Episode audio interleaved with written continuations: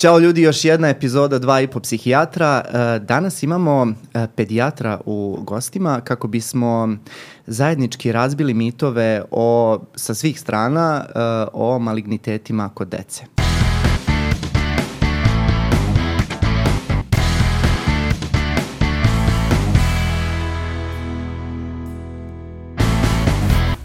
Sa nama danas jedan vrlo iskusan pedijatar, doktorka Jelena Lazić. Jelena radi u Univerzitetskoj dečjoj klinici, takozvanoj Tiršovoj, a pored toga ona je i docentkinja na Medicinskom fakultetu Univerziteta u Beogradu. Jelena, hvala ti što si danas došla. Ja, ja ću se truditi danas da ti ne tepam, s obzirom da se znamo toliko godina, pa te zovemo ovaj, Jeco već dugo, dugo godina. Mislim da će mi trebati malo da se naviknem, da se vratim unazad, ali mnogo ti hvala što si izdvojila vreme da dođeš danas kod nas. Moje zadovoljstvo.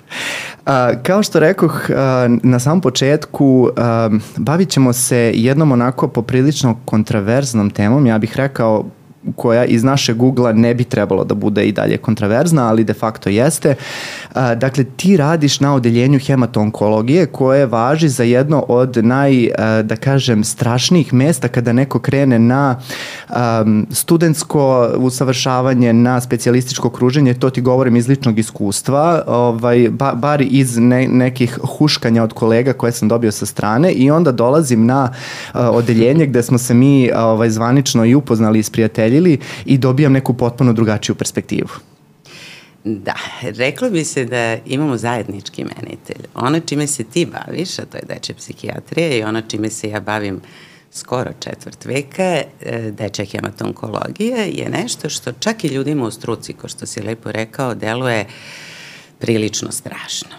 I jer nekako kulturološki ne samo kod nas, znači nije to imenitelj Srbije, Balkana, to je nekako svetski uh, e, trend, deca su po definiciji zdrava, sa naglaskom na psih, psihičkom zdravlju i nekako rak je rezervisan za odrasle. Znači, to je ono što, da kažem i tvoju i moju struku značajno približava, to su te predrasude, pa čak i stručne okoline. Rak postoji, ako mogu da napravim neki mali, probat ću što manje stručni uvod, rak postoji od kad je svet e, zanimljive i to su stvari koje nisu duboko stručne i koga god zanima, stvarno to može lako da nađe. E, čak pre 80 miliona godina na fosilima dinosaurusa su nađene maligne izmenjene ćelije. Oni, naši preci, Homo erectus, koji je prehodio Homo sapiensu, takođe nađene maligno izmenjene ćelije. Ono čemu ima najviše dokaza, znači kod Homo sapiensa, kod naših da ma kaže malo bližih predaka, recimo pre 3000 godina kad su razne mumije iskopane, odnosno razne mumije koje su skoro iskopane, a stare 3000 godina, nađeni i osteosarkom, nađeni su znaci drugih malignih bolesti, znači, a čak recimo inke, piramide, prvi maligni melanom, oni su bili na visini izloženi suncu sa sve ozonskim otačem u to vreme, znači rak postoji od uvek. I meni je jako bitno to da naglasim, zato što se pogotovo u 21. veku vezuje za neki savremeni način života, za nuklearne katastrofe. Znači ne, od kad postoji zdrava ćelija, postoji i mogućnost da ona maligno alteriše, odnosno da se promeni u maligno. I najviše mu se u stvari sviđa to što si um, počela uh, svoju priču o tome da u stvari deca se smatraju kao jedan uh, prototip zdravlja I e, tako je i u psihijatriji kao što si nagovestila, znači negde od recimo 70, pre 70. godina prošlog veka uopšte nije, što nije daleko jel, od današnjeg vremena, e, uopšte nije postojao koncept psihijatrijske bolesti deteta. Znači deca su smatrana kao jedna onako najzdravija populacija i onda tek nakon toga u stvari se razvijaju koncepti dečije psihijatrije prvi. Kad počinje u stvari... Gotovo da, na našem podneblju, e, pa Možda i ne čak samo na našem, ali o tome imamo najviše zapisa. Ako je neko dete nije bilo ok, ono je bilo, neću da kažem utamničeno u kući, ali nije se baš prikazivalo. Da, bilo je da, skrivano. Da, da. Mm -hmm. E, vrlo slična stvar je i s malignim bolestima. Znači, e, ja slušam svoje kolege koji su zaista odlični doktori u branšama koje nije moje, jel? Pa kako to danas, pa sve je više i više i to su užasno česte konstatacije koje se čuju. Pa u stvari nije istina. Mislim, danas svako se oca ima skener. znači, mogućnosti današnje diagnostike su neverovatne. Znači, prvo, dostupno nam je. I la, lakše prepoznajemo, mnogo pričamo, jedan od razloga što sam ovde, pored toga što volim da razgovaram s tobom, jeste što mislim da je bitno da se o tome priča i na tome radimo poslednjih 20 godina i stvarno se menja svest ljudi po tom pitanju i to je ono čemu ja najdirektnije svedočim kroz svoju karijeru. I ajde o tome ćemo malo kasnije da ne dužim, ali koncept e, dečje hematonkologije takođe nije mnogo star. Malo smo stariji od vas, od dečje psihijatrije, ali e, evo da počnemo od toga da su se tek krajem 19. veka formirale dečje bolnice, da su se deca odvojila od odraslih, pa da pedijatrija tada počinje, pa onda jedna po jedna grana, naravno na prvom mestu dečje infektivne, ako tako mogu da se nazovu ono što se prvo prepoznaje, pa onda redom, pa i do toga da je već početkom 20. veka su postojali ljudi koji su na neki način prepoznavali te maligne bolesti koje su viđali kod odraslih i kod dece. Ono gde je pediatrijska hematonkologija imala svoju apsolutnu ekspanziju i u stvari neposredno nakon drugog svetskog rata. Čovek koji je, da kažem, koji se smatra nekim osnivačem e, pediatrijske hematonkologije je naravno Amerikanac, zašto kažem naravno od uvek i verovatno za uvek najbolji research je, odnosno istraživanje je postojalo tamo. On se zove Sidney Faber, on je prvo e, specializirao patologiju, potom internu medicinu, a na kraju se našao u pedijatriji, što mu je očigledno bila mm. najveća i strast, ali e, i on je praktično, po njemu se zove u stvari prvo po sponzoru, kako to u Americi ide, Dana Faber Cancer Institute, gde sam imala zadovoljstvo da budem u Bostonu, koji je deo Harvard Medical School. Znači, to je prvo mesto gde su izolovane in vitro, znači pod mikroskopom ćelije raka, prvo mesto gde je data hemioterapija, prvo kod odrasloga, onda i kod deteta i praktično to je negde od recimo 46. godine, 1946. godine, može da se smatra nekim zvaničnim početkom pediatrijske hematonkologije. I e, kao što smo rekli, danas smo tu da razbijemo neke mitove, neke predrasude. Šta su najveće predrasude koje se vezuju za dečju hematonkologiju i sve bolesti koje se, da kažem, nalaze u vašem spektru uh, tretmana? Joj, pa ne znam odakle da krene da. mnogo ih.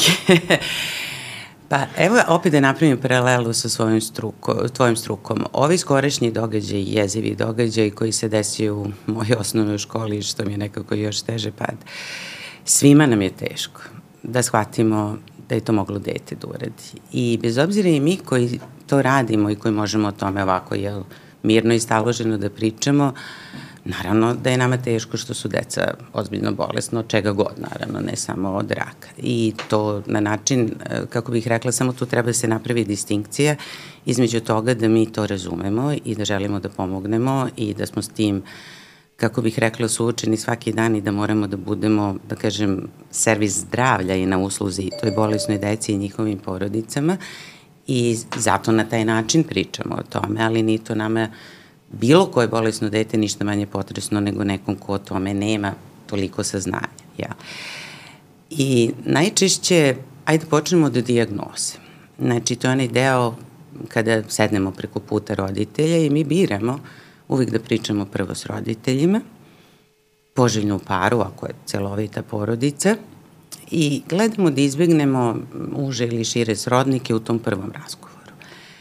Jer mi još uvek upoznajemo te ljude. Diagnoza se saopštava obično isti dan, sutradan, kod nas se kao što znaš vrlo brzo radi i želimo da prvo poznamo ljude s kojima ćemo se dugo dužiti. Mm -hmm. Lečenje malignih bolesti nije kratko. I prosto želimo da vidimo i njihovu reakciju, oni su roditelji, oni imaju i zakonsko pravo da prvi saznaju i njihovo je pravo da odluče kome će šta reći od prijatelja, porodice i ostalo. Kod nas nekako porodica dosta vezana još uvek, što ima svoje velike prednosti, ali i mane.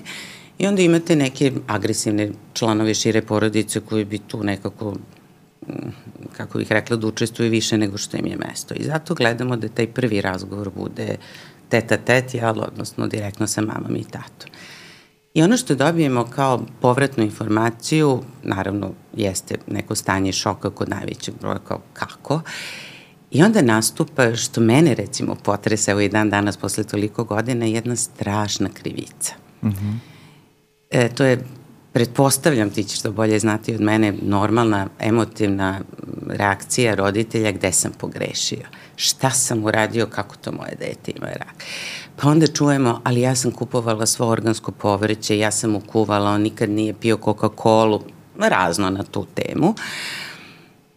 E, I moja prva uloga nekako u tom razgovoru, pored toga da prenesem jasnu, jednostavnu informaciju, jer taj first day talk, kako ga zovu, odnosno taj prvi razgovor ne treba da bude opterećen sa mnogo medicinskih činjenica, prosto treba se kaže ime i prezime diagnoze. Moj nekako zadatak uvek jeste prvo da ih maksimalno opustim i smirim koliko može u toj situaciji i upravo to da im objasnim da nigde nisu pogrešili.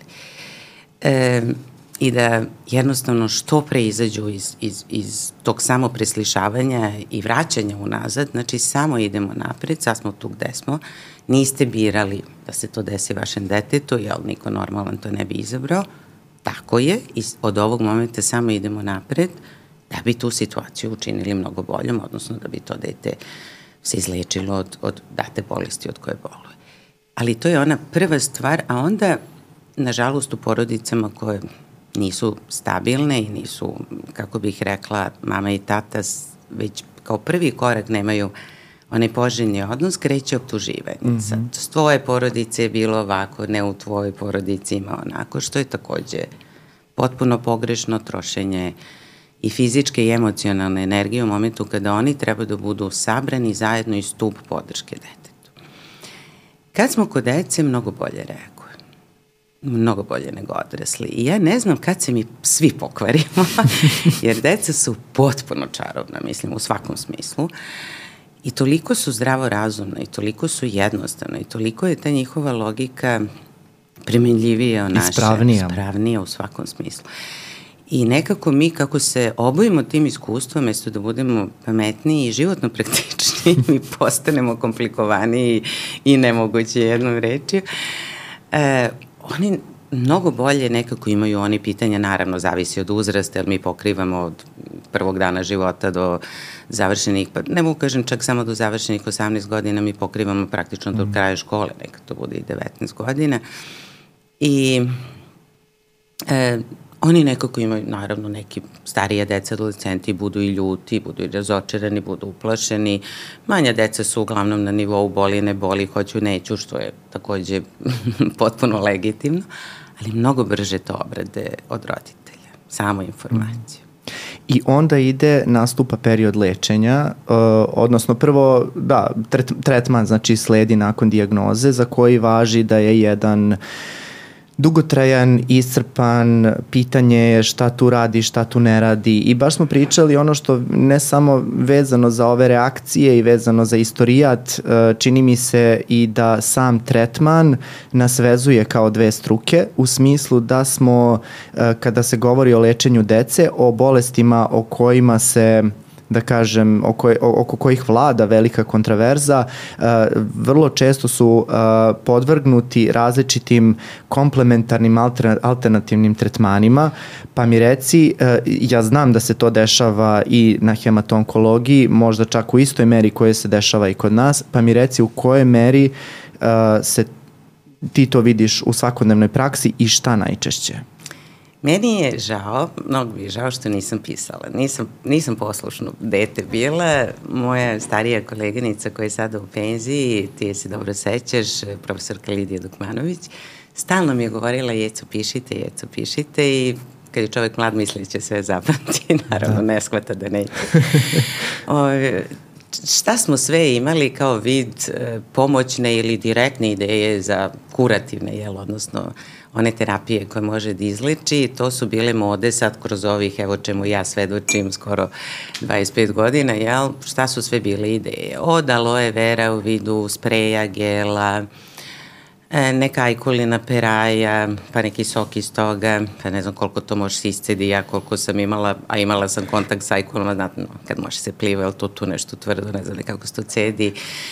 E, pa do nekih, naravno, opasnih stvari. Ja nikad neću zaboraviti jednu scenu, a pokušat ću danas da ilustrujem sa što više primera, prosto da ljudima na neki način to približimo. Bila sam dežurna nekog luva doba noći, 3-4 ujutru i naše sestre ostave samo deo svetla da bi deca mogla naravno da spavaju ono po hodnicima jer san je neophodan deo i zdravog i bolesnog organizma. Ovi, to mi najbolje znamo koji ne spavamo zbog posla. Ovi, e, I čujem neko pucketanje, ne, neki neobičan zvuk, onako kao ono kad smo vežbali, da li je to bilo osnovna ili gimnazija, ne mogu se setim, pa imamo nešto iz fizike, pa oni Geigerovi brojači, neki tako ck, ck, ck, ck, zvuk. I sad, to je ne znam koje dežurstvo tog meseca u nizu, ja već počinjem da vidim da li će mi se priviđa i beli tigar, da li se to pitanje umora, šta li, ali taj zvuk definitivno postoji. I sad ja onako krenem nošena zvukom i vidim sad jednu, pošto su naše odeljenje, da kažem, najveći broj soba je zaseban u kontekstu da imaju svoju privatnost, ali je u staklu da bi mi mogli da vidimo, jel, uvek mhm. pacijente. Mm -hmm I kroz to staklo, u tom nekom polumraku, ja vidim neku plavičastu svetlost, zvuk se pojačava, prilazim i zateknem tatu jedne pacijentkinje koja je boks pored, nad drugim detetom sa nekom mašinom, kako sprovodi nešto i ostanem prvo potpuno čudo šta je sad. I pritom naravno tiho da ne provodim drugu decu, ali ipak akutno šokiran, kažem, izvinite, šta radite? Na to on kao dete uhvaćeno u krađi lilihi pa u prodavnici onako skoči kad je mene vidio. Ne, znate, pa, pa sad počinje onako deči da se vadi, ja kažem, čekajte gospodine, pa šta radi? Da skratim priču, to je neka lampa, vjerojatno panda na onim nekim bioptron lampama koji sigurno imaju svoju ulogu u nekoj fizioterapiji, tipa bezboljavanju tih zglobova. Neko je pustio Aber, da se tako dižu trombociti. znači, potpuno nadrealna situacija i sad to je, naravno, mama iz tog boksa videla da sprovodi nad svojim detetom, pa je zamolila da se to sproveden i, i nad nje. I sad dobro, mi sad možemo da se smejemo zato što je bezbedan ishod bio, ali u datom momentu sam ja stvarno, ja nisam znala prvo šta je taj aparat. O čemu se radi, naravno. Znači to je dete koji ima niske neutrofile, odnosno jel, sinonim granulocite, znači to su deca koji su strašno podložne infekcijama, koji imaju niske trombocite, da li je to nešto što će sprži kožu, da li on u kontaktu šta je on radio s tim, da li će neku štetu da napravi, mislim i sad, a sigurno da tu nema loše namere i sad vi da napadne, mislim sad ja da napadnem tu osobu čije sigurno polazišna osnova je dobra, ali sve dalje je vrlo pogrešno, mm. nije rešenje. Tako da ja duboko verujem da se mora pričati. To je jedini način da se mora, znači kofer istrpljenja s naše strane I kad kažem s naše, tu zaista mislim na kompletne članove, odnosno sve članove kompletnog medicinskog tima. Naše sestre su izvaredne i vrlo su, da kažem, pristupačne kao i mi i e, da kažem, supra maksimalno rade svoj posao. Nije baš, kako bih rekla, ne bi morale sve to da rade, ali pričaju, pričaju dosta o tome, pričamo mi, priča naš tim psihologa, nutricionista, kogod da se jednostavno što manje tih neproverenih inicijativa dešava. Ono što bi volela, ako ne dužim na ovu temu, ne, ne, ove, e, da podvučem da to stvarno nije naš specialitet. E, nešto smo uradili, e, sad ću napraviti malu digresiju da bi ovaj, napravila uvod, Ja sam u odboru za edukaciju našeg najvećeg svetskog udruženja, Evropskog odranka, koji skraćeno se zove SIOP, tebi je to blisko da si proveo vreme. uh, kod nas, baš znaš da odatle izlaze naši protokoli za lečenje i e, nas nekoliko koji smo u tom odboru za edukaciju smo pravili razne webinare, kursevi i ostalo, ali smo nekako shvatili i prepoznali da e, je dobra edukacija za dečju hematonkologiju po raznim zemljama Evrope, ali da bi bilo idealno da bude uniformno, ali već imamo uniformne protokole koje svi primenjujemo i za diagnostiku i za lečenje, i da nekako tu generaciju mlađe od nas povežemo na način na koji smo se mi povezali upravo kroz te vidove edukacije, da razmenjuju neka svoje iskustva i da se povezuju za neke buduće projekte i saradnje. I napravili smo jednu vrstu, da kažem, internacionalne subspecializacije. To je trogodišnji, zovemo ga kurs, jako je daleko iznad kursa, mislim, onim obimom koji pružamo i imamo tri e, sedmodnevna, e, vrlo intenzivna škole, u stvari tri sedmodnevne intenzivne škole i tri online. I umeđu vremenu ni zadataka koji ti naše mlade kolege rade i tako. I to su ljudi, evo upravo smo završili u junu drugi živi modul, da kažemo, odnosno uživo. I to su ljudi koji su se već upoznali, koji su već, kako bih rekla, već tu vidimo u neke buduće danas popularno rečeno lidere u našoj struci, stvarno jedan prepametan svet. I dosta smo pričali, jer mi nekako to nismo osmislili da smo mi kao predavači na jednoj strani, oni nego tu smo na svim kafe pauzima, ručkovima, večerama zajedno pričamo i nekako smo im tu. I onda su se oni dosta oslobodili i dele upravo, nakon sad evo ovo dugog uvoda dolazim do mm. toga, upravo iste priče. Nemačka koja je za nas sinonim organizacije i nekog reda, Znači, šta se tamo dešava po pitanju alternative, to je zaista ono rubrika za neverovati, ono ripljiv, da li verovati ili ne. I šta su oni uradili? A može im se prosto da su bogatiji od nas. Oni su prvo tako ratovali, mislim, ratovali uslovno rečeno, pokušavali da objašnjavaju sve to koliko je to nije ispravno, nije dobro, ali uvek postoji neki procenat ljudi koji će otići za tom alternativom, a svima nama je teško da izgubimo pacijenta ako znamo da možemo da ga izlečimo. U stvari, naš glavni motiv nije borba protiv nekih ljudi koji ne veruju, nego je samo iskustvo koje je pokazalo da se tako, nažalost, ne može nijedna vrsta raka izlečiti i jednostavno se samo borimo za život, direktno za život. I šta su oni evo sada uradili i čak su mi poslali linkove nekoliko spornih klinika od kojih s jednom imaju velike probleme, znači ljudi napuštaju ovo što mi zovemo, ono što, što pogrešno zovu konzervativno ili što mi ispravno zovemo konvencionalno lečenje, jer mi smo sve samo ne konzervativni grana koja toliko napreduje, toliko otvorena za sav, sav research, odnosno istraživanje, za sve smo upravo mi, tako smo daleko od konzervativnosti.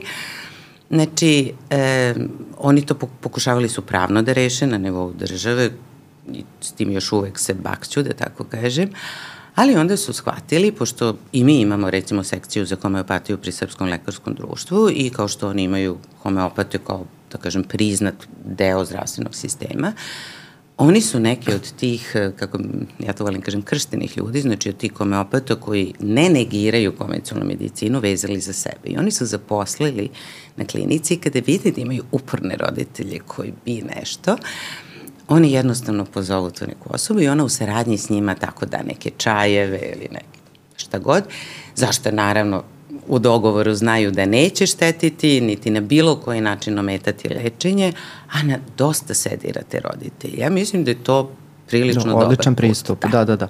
E, a kad smo već kod razbijanja predrasuda, um, evo ja da napravim jednu kratku ekskurziju, što bi rekao jedan moj gost, um, ne znam da li će se moje kolege složiti, ali vrlo često sad mi u ambulantama smo poslednji, um, kako da kažem, poslednji resurs. Nakon što se uh, sad ću reći, ovaj, pogrdno ispucaju sve, sve te mhm. ovaj, tehnike, znači prvo obično ide neka religijska metoda kod nas, recimo neki sveštenik ili hođa, nakon toga se ide kod nekih šamana. Da dođemo do egzorcizma, dobre? Da, ima, bilo je, bilo je egzorcizma, ovaj, pogotovo kod nas u psihijatriji čini mi se da je i dalje u nekim sredinama vlada ta um, uvrežena misao da je dete zaposednuto, znači bilo je, imali smo, ne srećom ne često, ali bilo je i slučajeve egzorcizama, konkretno moja koleginica pre možda mesec dana je imala slučaj egzorcizma i um, nakon toga ja se ide... Ja to da kažem gospode Bože, ili da taj komentar gospode na egzorcizam.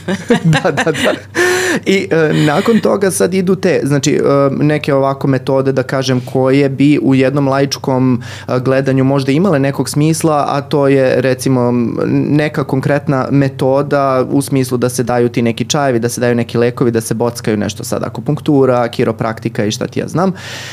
Um, I nakon toga mi onako postajemo uh, poslednji resurs. E sad, uh, ja konkretno ja ne mogu da govorim za, za, za svoje kolege, ali uh, ja uvek kažem roditeljima, prosto ne želim da nabijam dodatni osjećaj krivice i ko što si ti rekla, ne želim da ih izgubim kao pacijente, jer primarno mi je dete uh, kao, da kažem, najbitnije u svemu tome. Um, ja onda kažem, dobro, ja nemam, uh, načelno imam dosta, dosta protiv, uh, za, protiv tih alternativnih kom, ovaj, komplementarnih metoda iz razloga što im uzimaju pare, ali uh, one, one kao što si rekla, ne male. I ne male, i, uh, ali one metode koje ne škode, e, nemam ništa protiv jer kao što si sama napomenula e, e, dosta ih sedira što kaže. Znači prosto imaju neke osjećaje olakšanja imaju osjećaj da su nešto uradili sama ta činjenica da se daju velike pare da se ode kod nekoga ko je Tu si rekao izvini što te prekidam ključnu stvari. Ključna stvar je u tome a to stvarno želim da podvučem da smo se mi krvavo i to kad kažem mi mislim na moje učitelje i njihove prethodnike a i sve nas izborili da sve što naše deca, znači počeo od diagnostike do lečenja, dobijaju, odnosno čemu su podvrgnuto, je plaćeno od strane države. I to je mm, jedno najčešće kamen spoticane i poverenje koje ljudi imaju da će tu trebati da se neki novac skuplja, o tome bih stvarno kasnije.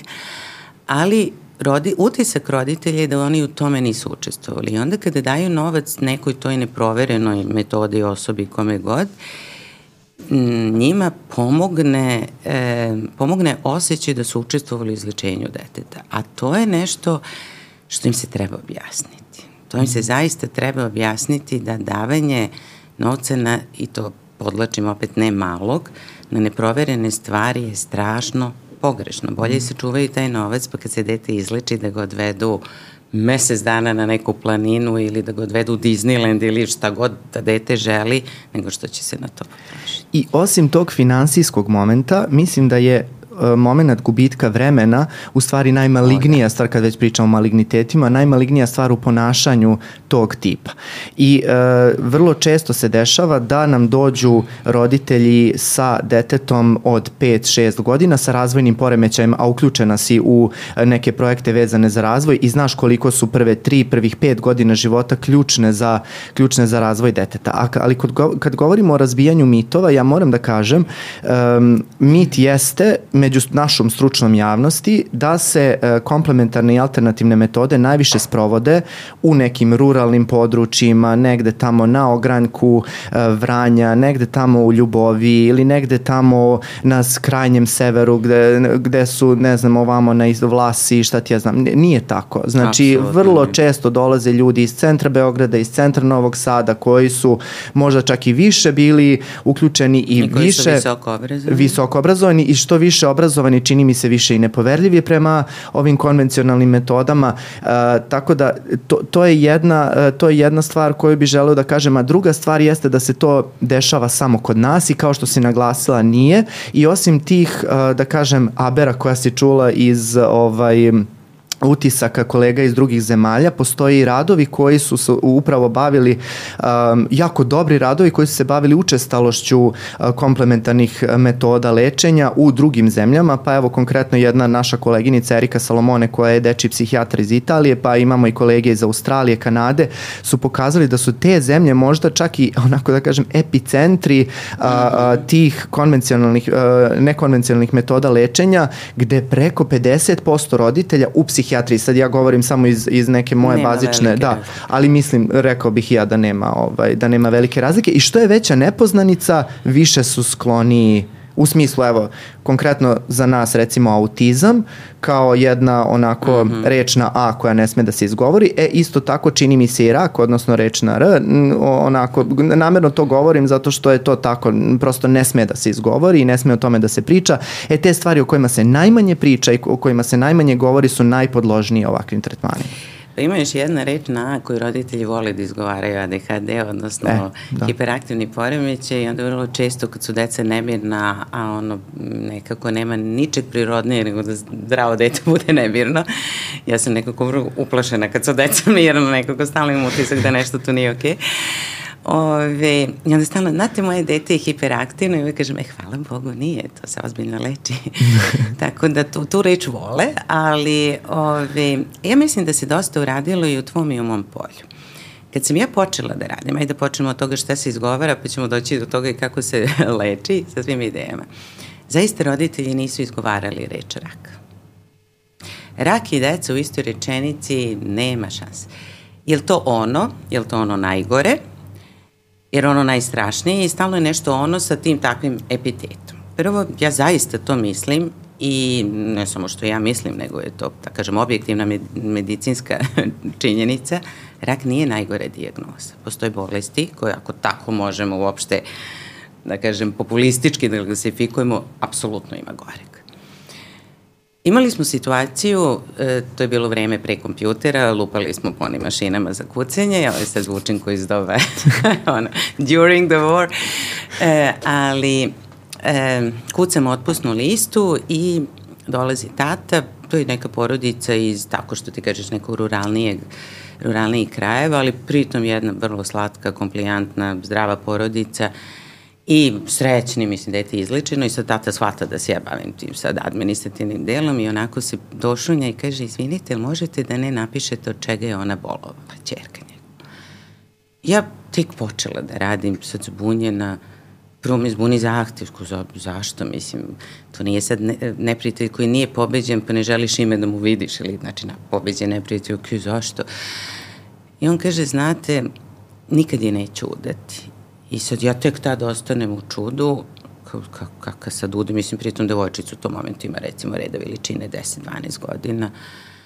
Znate, kaže mi, ja kažem, ali ja vas sad stvarno ne razumem, sad morate da, da me uputite, vi meni da objasnite. Sad vi meni da objasnite čemu se tu radi.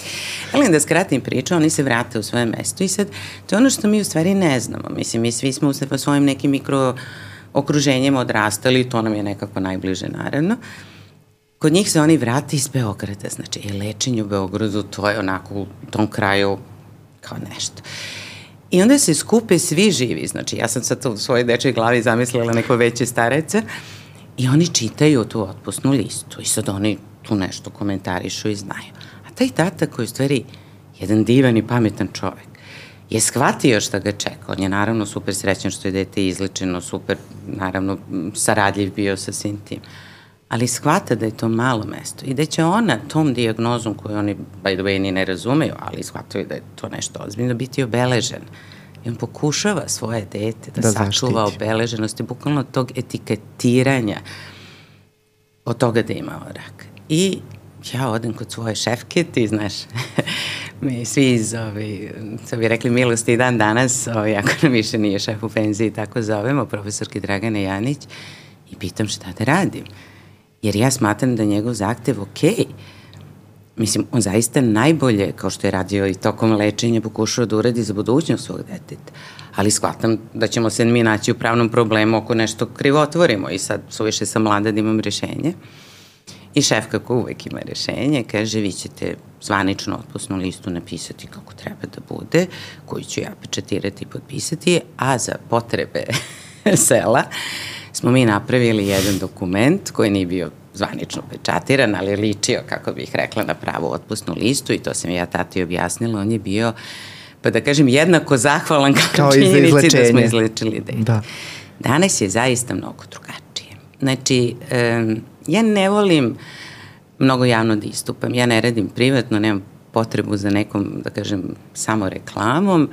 Mnogo nas je u medijima, shvatam značaj toga i zato se odazovem, da kažem, jednom, dva put godišnje na neke ovakve stvari, jer stvarno mislim da je značajno pričati o tome. NURDO, naše nacionalno udruženje roditelja deca obolele od raka, među čim sam ja i osnivačima i dugogodišnjim saradnicima, je zaista dosta akcija napravio upravo na podizanju svesti o tome da rako dece postoji i koje su neke potrebe i kako ljudi mogu da pomognu na razne načine. I čini mi se da smo već pre jedno deseta godina počeli da ubiramo plodove tog truda, jer je tada već za početak rak i dete u istoj rečenici moglo. moglo. I nekako ljudi su, dobro, i živimo u eri gde je sada sve lako dost, mislim, kako bih rekla, skoro svako ima mobilni telefon, pa opet nekako se i samo doedukuje i sada je već način komunikacije drugačiji. Naravno, kod te samoedukacije su brojne opasnosti. Brojne, jer e, svašta se da naći i najveći broj sajtova nije okej, okay, gde se oni informišu. Poznate, svetski poznate bolnice, kao ova koju sam malo čas navela, u kojoj sam ja bila, ili John Hopkins, ili evropske dobre bolnice, imaju zaista ceo tim uh, koji na vrlo jednostavnim rečnikom u mnogim stanjima kod dece priča i to se da naći na njihovim zvaničnim sajtovima i to su stvarno fenomenalni izvori, ali nekako najčešće do toga ne dođe, mm. nego odu na neke obskurne i ne znam kako da ih nazovem, ove linkove gde su svedočenja ljudi koje su verovatno lažne ili su možda deo tvoje struke, da, da ne kažem nešto teže i tu onda budemo svi zajedno u problemu. Mm moram da ti priznam jednu stvar, uh, kada smo pričali da ćemo da ovaj, radimo ovu epizodu, rekoh ti da imamo jedan segment u kojem tražimo od naših gostiju da preporuče neki film, seriju ili knjigu vezano za ovu celokupnu tematiku. I ja napravim jednu veliku grešku, Jeco, ja uh, jutros uzmem da odgledam jedan film koji me uvek asocira uh, na temu maligniteta kod dece, a to, to je Ptice koje nikad ne polete sa Batom Živojinovićem od, čini mi se, 97. godine.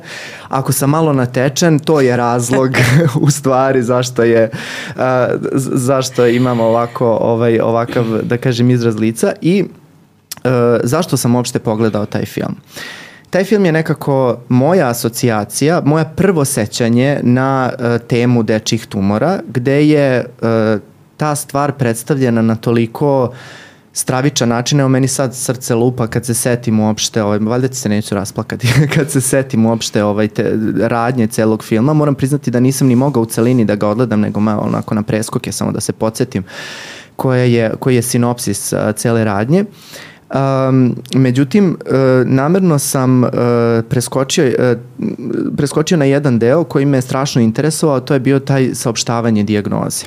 Jer to je nekako i deo uh, onoga čem, čime se ja bavim i um, upravo je prvo pitanje i zato me sad sve to asociralo. Prvo pitanje koje je tata devojčice postavio jeste je li to ono najgore?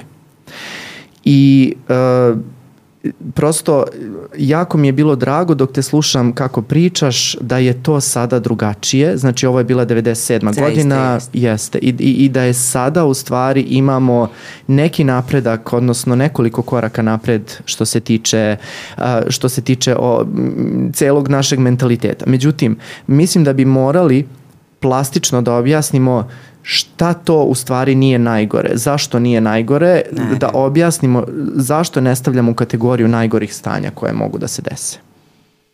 Ja ću prvo, ali neću da trčim pri trudu kad dođe taj deo, to ćeš mi pitati, reći da moj favorit su knjige. Filmovi prirodom vrste umetnosti se ajde da kažemo, isfriziraju i tu se možda te neke stvari najbolje ne predstave. Tako da mislim da su u tom kontekstu knjige bolje, ali da, doći, doći ćemo, ćemo i do mm -hmm. toga. E, ja imam i sad će vjerovatno neko od nama znanih e, kolega kad čuje ovu priču reći, o ne, ili već čuo, ali ja imam moju omiljenu stvarno priču kako ljudima van struke prvo objašnjam zašto dođe do raka.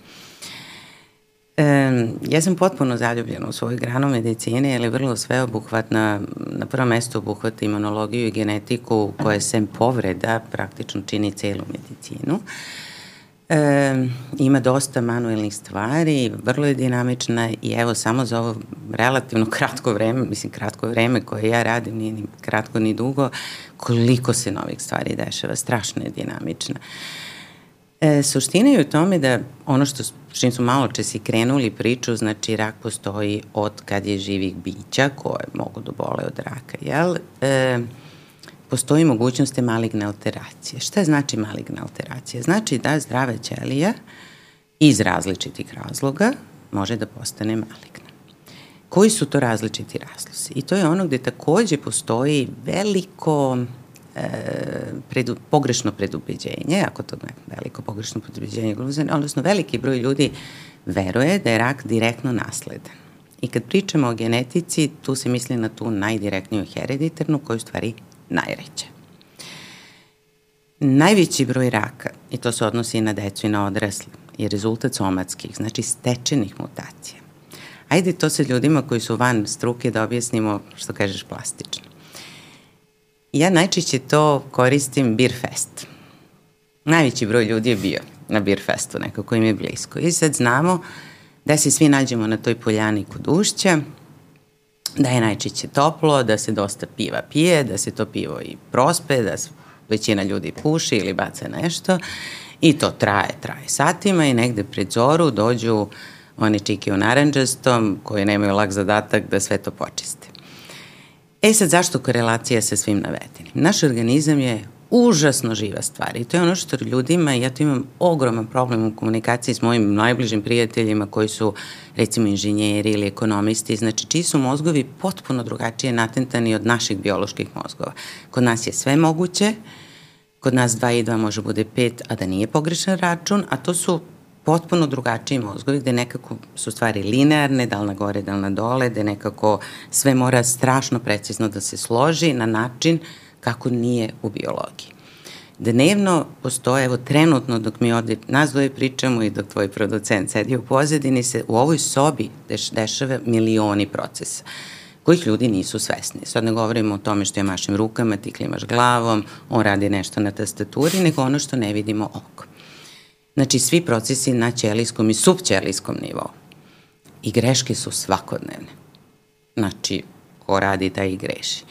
Mi imamo jednu divnu stvar koju zovemo DNK repair gen, odnosno postoji na nivou gena, nazovimo je kao jedna mala mašina koja čisti. To su te čike u naranđastom koje dođu iza onog veselja na bir festu i poljani na ušću da počiste.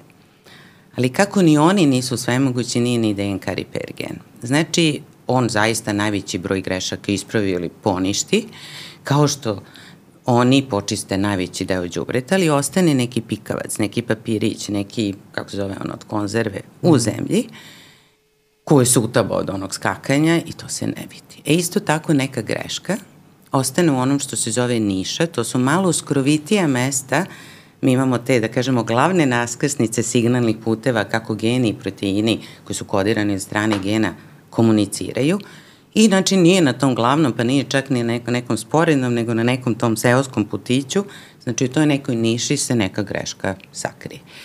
I ona tu može da čuči, da živimo 120 godina i da nikakav problem ne napravi. Ali desi se neka druga greška i one nađu način da iskomuniciraju. Znači, dva događaja su potrebne, to je već 50. godina 20. veka dokazano. Uh, da se inicira ta maligna alteracija, odnosno da zdrava ćelija postane maligna.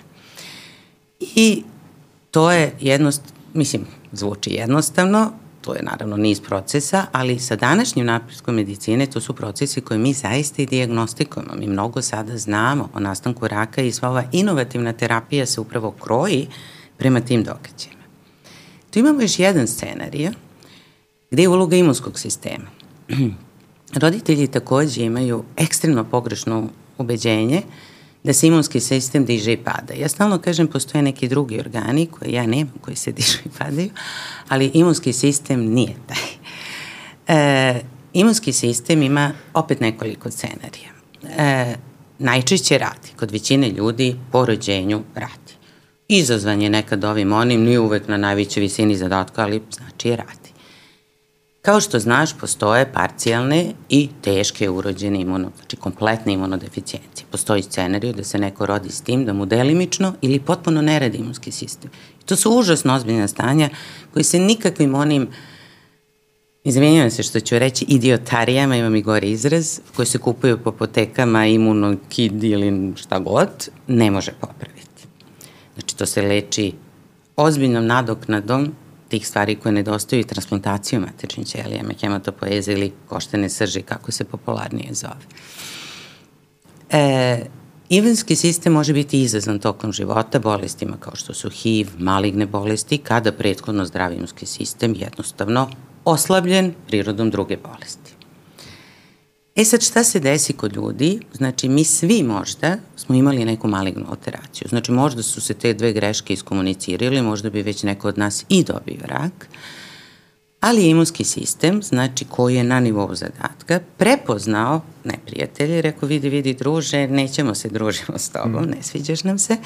I onda pošelje svoje neke ćelije, mi znamo da su to fagociti, makrofagi, ali dovoljno je da ljudi znaju da postoje određene ćelije koje njih praktično ponjupaju i uklone iz cirkulacije. U najbukvalnijem smislu ih pojedu i sklone.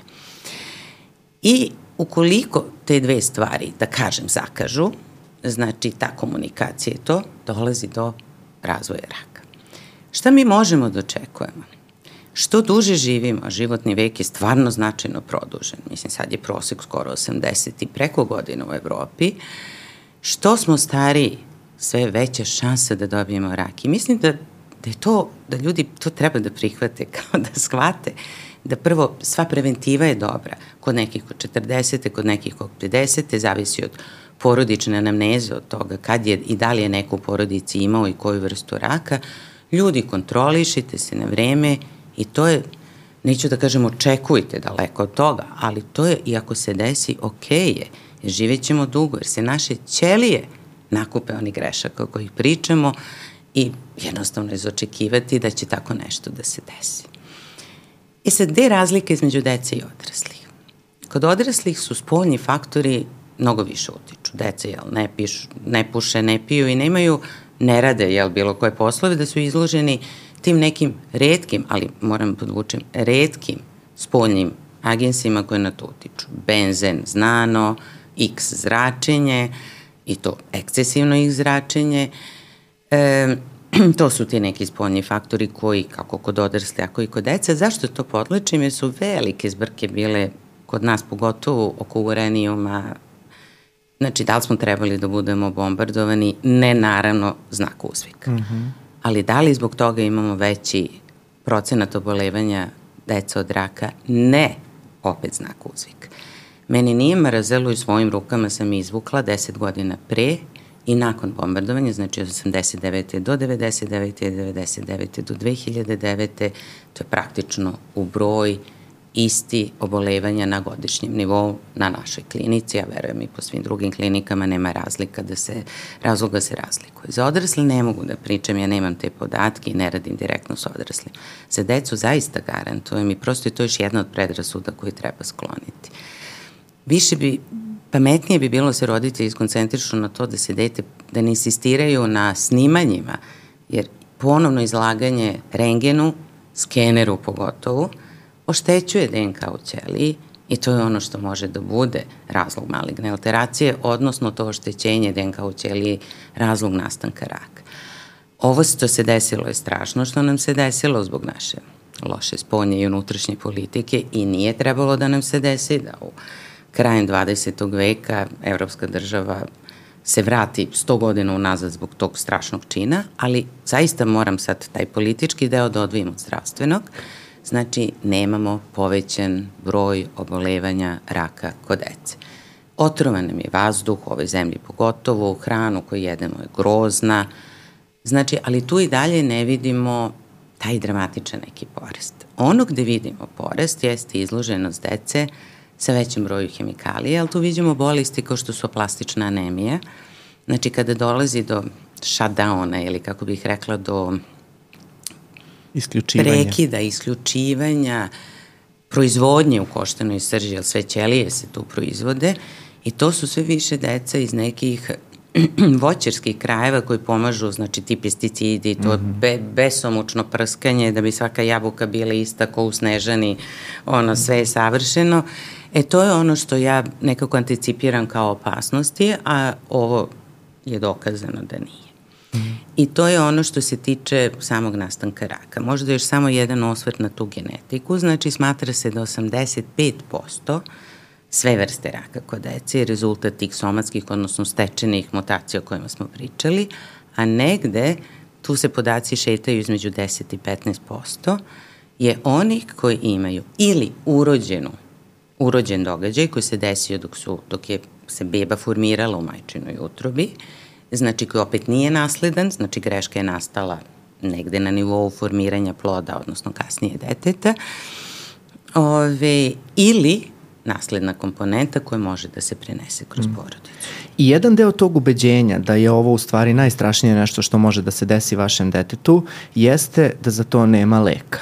I to je nešto što si ti prvenstveno uh, uspela da razbiješ kod nas studenta koji smo onako kao mali pilići došli. Došli sa velikim očima. Tako je, na, na to odeljenje. Uh, molim te samo da nam kažeš onda koliki je procenat izlečenja uh, raka kod dece, kakvi su tu trendovi, da li se to menja? Ukupni procenat i to, je, to su rezultati zvanični razvijenih zemalja i 85%. Znači sve vrste raka kod dece se leče u 85% dece. Ja sa stvarnim ponosom onako mogu da kažem da smo mi kao zemlja srednjeg razvoja bliska tom broju. I to je nešto na što sam strašno i lično i grupno ponosna, ako mm -hmm. tako mogu da kažem, na sve svoje kolege i to kad kažem sve, ne mislim samo na hematonkologe, nego na sve ljude bez kojih mi ne bismo mogli, i patologe, i radiologe, i genetičare, odnosno biologe, znači sve ljude koji doprinose i diagnostici i lečenju naših pacijenata. Prvo moramo da um, prepričaju izlečenju i da kažemo još jedan broj, ja ne volim mnogo brojevima da pričam, jer kad me roditelji pitaju za procente, ja kažem izleči se devetoro, desetoro dece, vi imate jedno, pa ne mogu da vam kažem da će se izlečiti devet desetina vašeg deteta. Znači ja u tom smislu ne volim mnogo da pričam kroz brojeve, iako mi zaista baratamo sa najpouzdanijim, jer ljudi se za to nekako tako vezuju, treba da razmišljaju kao roditelji o svom detetu. U tom momentu ne dalje od toga. Jer tu onda ne gubimo fokus. E, drugi broj koji bih zaista volela da navedem jeste koliko je ovo, to zovu orphan disease, redka bolest. Upravo zato što su deca mlada, to su zdravi organizmi, nisu se nakupili tih grešaka, nisu izloženi svim tim spoljnim noksama, odnosno tim spoljnim uzrocima, tako da od 100% ljudi obolelih od raka, između 1,5 i 2% su deca. Znači, ekstremno redko, mi to vidimo svakodnevno zato što postoji samo par centara u našoj zemlji, a i u svetu je tako organizovano da naravno svaka dečja bolnica to ne leče, to zahteva tim usko obučenih ljudi različitih profila koji to rade, ali znači prilično je redko. E sad, ovi dalji procenti, znači ukupno 85. Šta obera procenat? Mi smo užasno ambiciozni i neskromni, mi želimo, mi gađamo na 100%. 100% je naravno nerealno za bilo šta bilo šta u životu. Mm. Šansa da se ne slupamo danas kad se vraćamo kolima odavde nije 100%. Nije 100%. Mm -hmm. I živimo s tim svaki dan. Šansa da kupimo sladole da nema salmonelu nije 100%. Mislim, ništa nije 100% i ne postoji garancija na život. E, ono što je bitno da se zna da se najčešće maligniteti najbolje leče. Akutna limfoblastna leukemija je najčešće, prvo leukemija uopšte, su najčešće maligne bolesti kod dece i one čine oko 35% svih dečjih malignih bolesti. Od toga je najčešća i ona čini tri četvrtine od tih ove, 35%, rekla sam neću u brojevima, samo sam u brojevima, ove, je akutna limfoblasna leukemija i njeno izlečenje je negde preko 90%. Znači, na, evo, na našem odeljenju poslednje neka studija koju smo radili je 92,39, ne mogu se setim, posto, znači blizu 93%. Wilson tumor, najčešći maligni tumor kod dece se leči u 96%. Šta obara taj procenat? Obara, obaraju redke bolesti. Znači, mi smo grupisani i ja nekako volim što sam deo toga, to je onako kao neka redka vrsta. Nas je, ja mislim da smo mi možda među najmanjim subspecializacijama na svetu, najmanje brojnim. Uh, Nas je malo i u našoj zemlji i taj podatak ja pouzdano znam jer sam trenutno na funkciji predsednika naše nacionalne grupe za dečju hematonkologiju i našu grupu čini 100 članova, znači to su ljudi različitih profila i malo čas pomenuti patolozi, radiolozi, hirurzi, biolozi, i mi hematonkolozi. Od nas to, kad govorimo o ovim drugim granama, to su oni koji su predelili neku svoju strast ka deče hematonkologiji, zato su deo naše grupe i tu se na taj način usavršavaju. E, nas je nekde oko 40 u zemlji e, i nema nas mnogo u svetu. I mi koji smo i ole prominentni i učestvujemo na tim evropskim ili svetskim događajima, tako reći se manje više svi poznajemo. ne baš, ali nije daleko od toga. I mi smo zaista jako okrenuti jedni na druge i jako nismo sebični u tome da delimo ideje, zapažanja, rezultate i ostalo. Jer je to najbolji način da se nešto redko shvati, Jer, evo, ako ja radim u zemlji koja ima u proseku do 300 novo diagnostikovane novobolele dece godišnje, moje iskustvo je veće nego recimo u Sloveniji koji ima 2 miliona ljudi, samim ti mali, manji broj dece, manji broj, ali manje nego u Nemačkoj koji ima 70 miliona ljudi. Ali ako ista ta manja Slovenija ili veća Nemačka i neka, nazovi srednja Srbija, mada mi spanjamo u, u manje zemlje, nažalost sve manje nas ima u zemlji, a i uopšte, um, Ako mi skupimo sve naše podatke zajedno i zajedno ih analiziramo, mi ćemo doneti mnogo validniji i mnogo bolji zaključak. Mm -hmm. I to je ono što mi radimo. I to se radi od 70. godina 20. veka. I zato se rak kod dece tako uspešno leči. Mi imamo te naše internacionalne grupe gde se diskutuje o diagnostici, gde se svaka nova stvar momentalno podeli i naše deca se leče po kurentnim, znači aktuelnim svetskim protokolima. Mm -hmm. Najsavremenijim. Tako. Apsolutno. I um, kada govorimo o brojkama, nikad, nikad nisam umeo sa brojkama i verovatno ja, pola ovih, a ti si se razbacala, da. A, nikad e, mi brojke ne ostaju u glavi koliko mi ostaju neka poređenja i sećam se tvoje rečenice sa svojih prvih vežbi na hematonkologiji kada si rekla da se akutna limfoblasna leukemija leči bolje nego upala pluća. A ja, sezonski grip. Sezonski, e, sezonski osobe, grip, da, da, da. da. I to povremeno je, imam neki viser Da, da, da. I on, veruj mi, evo kad je to bilo pre jedno 7-8 godina, meni je i dan danas ta rečenica ostala u glavi, da. jer mi je takva komparacija bila ono, što bi se rekla sad mind blowing, znači neverovatna mi je bila takva komparacija, jer smo došli svi, čak i medicinari četvrta godina, na, sa predubeđenjem da je to stvarno uh, strašno i onda da ti kada si... Da si došli neko odeljenje gde će svakodnevno iznositi u crnim kesama nekog, jel tako da? je, tako Nije. je, pogotovo decu, da ćemo videti decu bez kose, koja strašno pati. I mi prosto dolazimo... Nešto za kosu da ti kažem. Apsolutno. Moje kuma, e, koji je građevinski inženjer i mi smo treća generacija koja se druži, naše bake su bile drugarice, uh, potom mame sa sitnom razlikom, ovaj, bukvalno mesecima kad su se rodile, onda i nas dve isto tako sa sitnom razlikom i njena oba roditelje su doktori i ona je možda najbolji doktor među građevinarima ili odrasla prosto u toj miljeu. A, miljeu. Vrlo je naravno, kako bih rekla, zdravo razumna, ali e, i vrlo je osvešćena životno, da kažem. Ja se sećam njenog pitanja, kad sam ja počela da radim, moja cijela nemedicinska okolina, a boga mi medicinska, je bila očajna. Potpuno kao, pa čekaj, od cele medicine ti ideš na dečju hematonkologiju, kao, već su me videli da se ja ubijam za pet godina od očaja i od svih strahota koje sam ja videla. I moja kuma meni kaže u nekom momentu, ja sam imala još dužu kosu nego sada, onako oprezno, a si ti razmišljala da se ošišaš? I ja u tom momentu mi se nalazimo, znači nakon posla, ja sto nekih svojih filmova, Rekao, što da se ošišam? Sad mislim daj mi neki modni estetski savet. Rekao, što? Ti si svaki dan sa tom decom koje gube kosu. Ona je, koja, koja je jedna esencijalno dobra i empatična, vrlo empatična osoba, sad razmišlja kako moja pojava sa kose koja ima dosta, na neki način uh, emocionalno draže ili pogađa, ne znam kako bih mm, rekla. Možda i vređa. Vređa, da. Mm. I ona je nekako tela na fin način da, da mi skrene pažnju, da bi baš nekako bilo dobro da imam frizuru kao ti, na primjer, da će to mnogo značiti, jel, našim pacijenti. Ja u tom momentu shvatim da ona koja je vrlo otvorena, kažem, bilo nekako, i to je jedna vrsta predubeđenja. Ja kažem, ne, ja ih podsjećam na ono što će biti kad ovo proće. Jer to je ono u što oni treba da veruju. Znači ono čemu oni treba da misle. Jer se tako sve lakše podnosi. Znači odaberemo krajnji cilj kome težimo. I dete, i roditelji, i mi kao članovi jel, time. Izlečenje.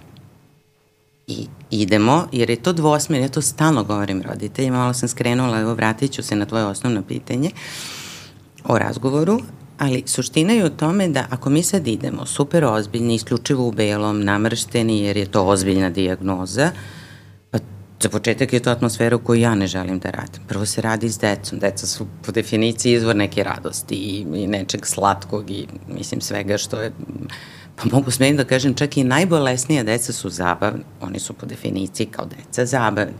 I ja jako radim na tome da se to održi. Mm -hmm. Ta mhm. atmosfera pomaže njima, pomaže roditeljima, a Boga mi pomaže i nama. I upravo to pokušavam i roditelji. I šta se desi s kosom? Nakon lečenja? Apsolutno poraste. ne postoji ni jedno dete, evo, za sve ove godine ko mi nije porasla kosa i to garantujem svojim životom. I ono što im se posebno, pogotovo devojčicama dopada, mm -hmm. ta kosa raste gušća mm. i bude malo kovrđava i toliko su srećne što ne moraju one strašne prese i one da spavaju s papilotnama ili onim svim, kako se vidi zovu, sva ta modna pomagala I zaista, mislim, naše deca su mnogo lepa, čak i kad nemaju kosu, ali e, i naravno ne padne im jednako teško, neki predpubertit i puberte, znači taj moment svesnosti svoje spoljašnjosti, im teže padne, ali najveći broj dece vrlo komotno to prihvati i sve manje, manji broj dece, mi smo imali akciju, sećaš se prame nade, kada smo masovno organizovali po celoj Srbiji, uključili smo pa evo i moj frizerski salon, da ih pohvalim da idem godinama i učestvovao u tome da smo skupljali kosu, da se jedan vlasuljer Narodnog pozorišta koji je bio u penziji to besplatno radio, to je beskreno pipavi i ovaj spor, po, ozbiljan posao, jer su perike od prirodne kose jako skupe i stvarno nedostupne prosečnoj srpskoj porodici, one plastične i ono stvarno ne preporučujemo mm. da im se kuvaju glavice ispod toga. Međutim, sve manji broj dece nosi periku i mene to raduje, zato što je pobeđen taj osjećaj stida bolesti. Mm -hmm. Znači, kad je nešto vruće, stave šeširić ili vežu one marame ili to, ali nekako nemaju problem sa sobom i ne izgube samo kosu, nego i obravice, trepavice i sve redom, ali nekako to na neki način i ponosno nose i meni se to baš sviđa. Mm. Nema tog sakrivanja. I, I upravo si rekla, ta, ta saradnja sa, sa drugim centrima je nešto što mi gajimo desetinama godina. Da. Uh, Međutim, kada god govorimo o dečim malignitetima, jedna od prvih stvari koja je, čini mi se, asocijacija kod nas jeste sakupljanje para yeah. za lečenje u inostranstvu. Pa nam molim te samo reci kao neko ko direktno evo sarađuje sa uh, gomilom, gomilama i gomilama porodica koje imaju taj problem, o čemu se u stvari tu radi, da li naš zdravstveni sistem stvarno ne pokriva neke bolesti ili o čemu, o čemu je reč? Mm, sad na shodno teme našeg druženja, to je moja rak rana, jedna od. E, daleko od toga da se ne treba pomoći sistemu. Znači, mi smo zemlja klasifikovana kao upper middle income country. Znači, mi smo neka zemlja malo višeg srednjeg razvoja po svetskoj mm, klasifikaciji onoj njihovoj, da. Kako se to MMF ili već kako mm -hmm. se ta svetska banka ja, ja automatski se pretvorim do bila kad, kad, kad dođemo do ekonomije, ali već ta neka referentna tela su nas tako klasifikovala. Mi se sigurno baš ne bi, ne bi s tim lično složili, čini nam se da je gore, da. ali kako god po, po tome smo tu da i jesmo.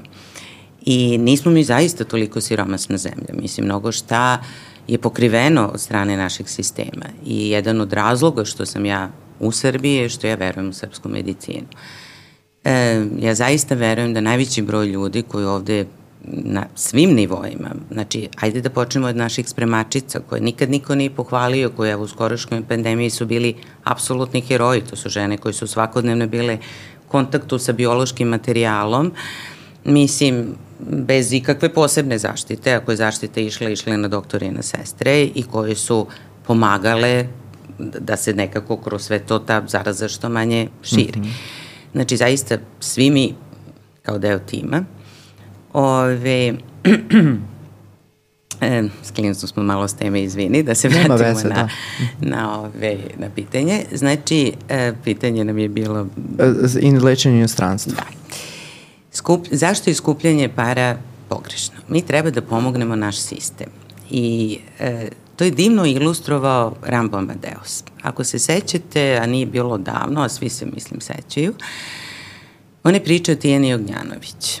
I tada kada je praktično bila jedna od prvih tih akcija skupljanja para. Radilo se o devojčici koja je imala ozbiljnu kongenitalnu, urođenu uh, urođeni problem sa srcem, da ne dužim. E, lečena, naša teča kardiologija je zaista odlična, mislim na Institut za majko i dete i svoju kliniku i oni su ljudi istrpli sve mogućnosti lečenja i e, bez mi tu zaista nemamo ni trun sujete, ni trun ustezanja mi kada nešto mislimo da možda ne možemo sami automatski kontaktiramo inostranstvo.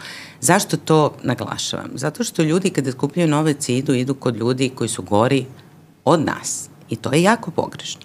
A to ću sam sekund kasnije obrazložiti, ali gde je suština? Oni su konsultovali AHH, znači referentni centar u Beču koji je tu blizu.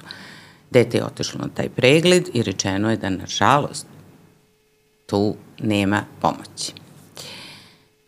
Amerika je poznata po tome da što bi rekli, ne gada im se pare, oni za novac hoće da urede. Znači, AKH to nije uradio za novac, oni su konsultaciju radili besplatno. Tamo, koliko ja znam priču, ja se naravno ograđujem, nisam direktno u tome učestvovala. E, otešli su u Ameriku i vrlo brzo po dolazku u Ameriku, oni su već krenuli u neku diagnostiku, lečenje, što god, je devojčica umrla. To je bilo skupljeno preko milion nečega, dolara, evra, čega god. Onda je posle nastala afera gde su te pare šta je vraćeno, onda su ti roditelji kojima već dovoljno strašno što su izgubili dete, bili, da kažem, žargonski razločeni po raznim medijima.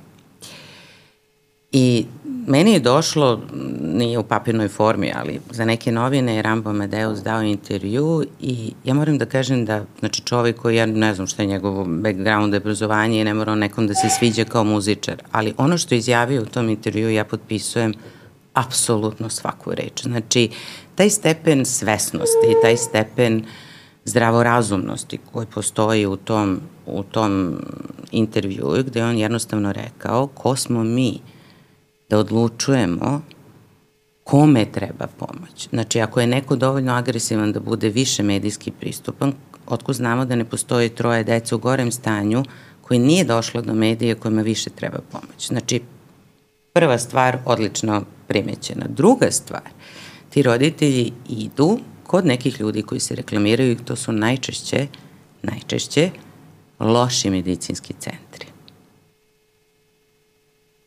Ja ne znam mnogo dece koje se datle vratila žive. Kada postoji inicijativa društva ili roditelja, mi najbolje među sobom, i zato sam se nadovezujem na prethodnu priču, znamo ko valja, ko šta radi, čije istraživanje, jer ono što nije deo zvaničnih protokola, imate poštene istraživače koji svima prijave u kom pravcu neku svoju ideju razvijaju. I ako ja imam pacijenta kome smo iscrpli sve mogućnosti, okrenem telefon i kažem da li je on kandidat za ovo istraživanje, roditeljima objasnimo da je to zaista još uvek na eksperimentalnom nivou, ali da je iscrpljeno sve što mi znamo, da je to neko kome verujemo, da to možda može pomoći. I to je kontrolisana situacija. Ovo sve drugo je nekontrolisana situacija. Da li misliš da toga ima, pričali smo na početku uh, o tom, uh, o tim pacijentima iz unutrašnjosti koji se leče u Beogradu. Mm -hmm. Da li misliš da ova situacija da. sada ima veze sa tim da se neko leči o, da. u Beču, o, da. u Americi? I to se opet dešava u svim drugim zemljama. Unutar zemalja, recimo, sad to nam pričaju kolege, sa juga Italije idu na sever jer je tamo kao razvijanije i bolje. Iz Kanade idu za Ameriku. Znači nismo uopšte opet jedini, jedini u tome. Dalek. Mm -hmm. Iste stvari se dešavaju u svetu. Ja sam prisustovala sceni dok sam bila, ja sam stvarno imala zadovoljstvo opet da kažem, zahvaljujući svojoj šefici koja me poslala u nekim ranim, uz, u onim idealnim uzrastima kad se čovek formira i uči, prvo u Moncu, gde je najveći broj i doktora koji se ovi bave u našoj zemlji i obučen, uh, Monce je centar koji dugo postoji, jedan od najboljih koji vodi te neke naše protokole, deo univerziteta u Milanu, sa fenomenalnom laboratorijom za genetiku koja je zaista neka otkrića na svetskom nivou napravila za ovo u mom polju. Potom sam bila u Beču, u toj čuvenoj Santana Kinderspital, odnosno Svetojani, kako bi mi to preveli, i potom u ovom Dana Faber Cancer Institute-u na sva tri mesta sam videla isti problem s kojim se mi susrećemo. Znači nije to samo nepoverenje u srpsku medicinu ili srpske hematonkologe ili koje god specijalnosti i subspecijalnosti, to je jednostavno svetska stvar. Znači tamo je u Boston, pošto se Dana Faber nalazi, pošto je deo Harvard Medical School u Bostonu, e, su došli iz Teksasa, gde je MD Anderson, jedna od znači jednako dobrih, čuvenih, evo klimaš glavom, da, naravno da. znanih da. klinika, ali njima nije valja. Mm. I onda su došli ovde po second opinion, odnosno kako bi se zvanično reklo, kako mi kažemo, onu konsultaciju ili po drugo mišljenje. Mm. Svetski trend. Da. Ali gde je stvar, e, gde se razlikuje? Ako neko dođe iz MD Andersona, Dana Faber, ne greši. Ako neko ode iz Tiršove ili iz instituta ili u neku obskurnu kliniku koja je u iznamljenoj kući, koja nije deo zvaničnog zdravstvenog sistema ni te zemlje, e tu je problem. Mm. Jer to je na nivou vrača. Mislim, mi ne znamo šta se tamo dešava. Nekako iz moje perspektive problem u stvari trenutno čini mi se da nastaje u tome što mnogo se sada para skuplja za da. raznorazne stvari, za raznoraznu decu. Ja samo nekako iz svoje perspektive mogu da govorim kada vidim da se skupljaju pare za lečenje autizma na različite načine, da li matičnim ćelijama, da li baroterapijama u Švedskoj, da li uh, nekim obskurnim, što kažeš, lekovima, sirupima koji mogu samo da se nabave u prekookeanskim zemljama, u nekim podrumima iznajmljenim kućama. Uh, Ali kada se govori o raku, evo sad... Najčešće pošto... govorimo o krilca slepog miša, to da, nam je sinonim jest, za... Da. Jest, jest.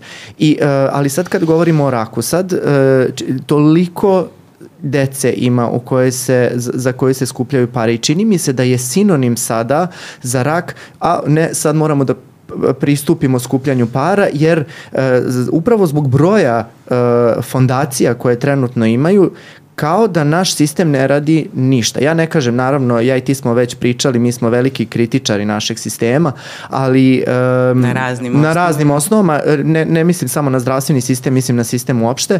Zdravstveni sistem šta više mislim da je jako dobar u, u, za neke aspekte, ali um, hoću da kažem kao da, da, da se u, u, kod nas ne može ništa uraditi i automatski, mm -hmm. znači kada saznaš dijagnozu, ulaziš na internet i, ka, i kucaš Be, klinika u Beču, lečenje raka, kako može da se pristupi bez da smo uopšte dali šansu uh, našim lekarima za koje tvrdimo, evo ja i ti, a i istraživanja, a i naše kolege I mogu... I ozbiljni svetski podaci. I ozbiljni svetski podaci govore u tome da... Možemo er, da budemo neskromni. Upravo to. Jer ima ko je ocenio naš rat. E, ajde ovako da počnemo. Od toga, opet, stvari, da se prvo vratim na Ramba Amadeusa, koji je takođe u tom intervjuu rekao e, zašto ne pomognemo sistemu? Zašto od svih tih para se ne uloži, pa sad, na primjer, ako i nešto ne može, na primjer, čekalo se na onaj gama nož, da su te pare date, gama nož bi se davno kupio, osobe obučene gama nož koji sad radi bi radio tipa 15 godina pre toga. Mm -hmm. Znači, hajde da pomognemo naš sistem.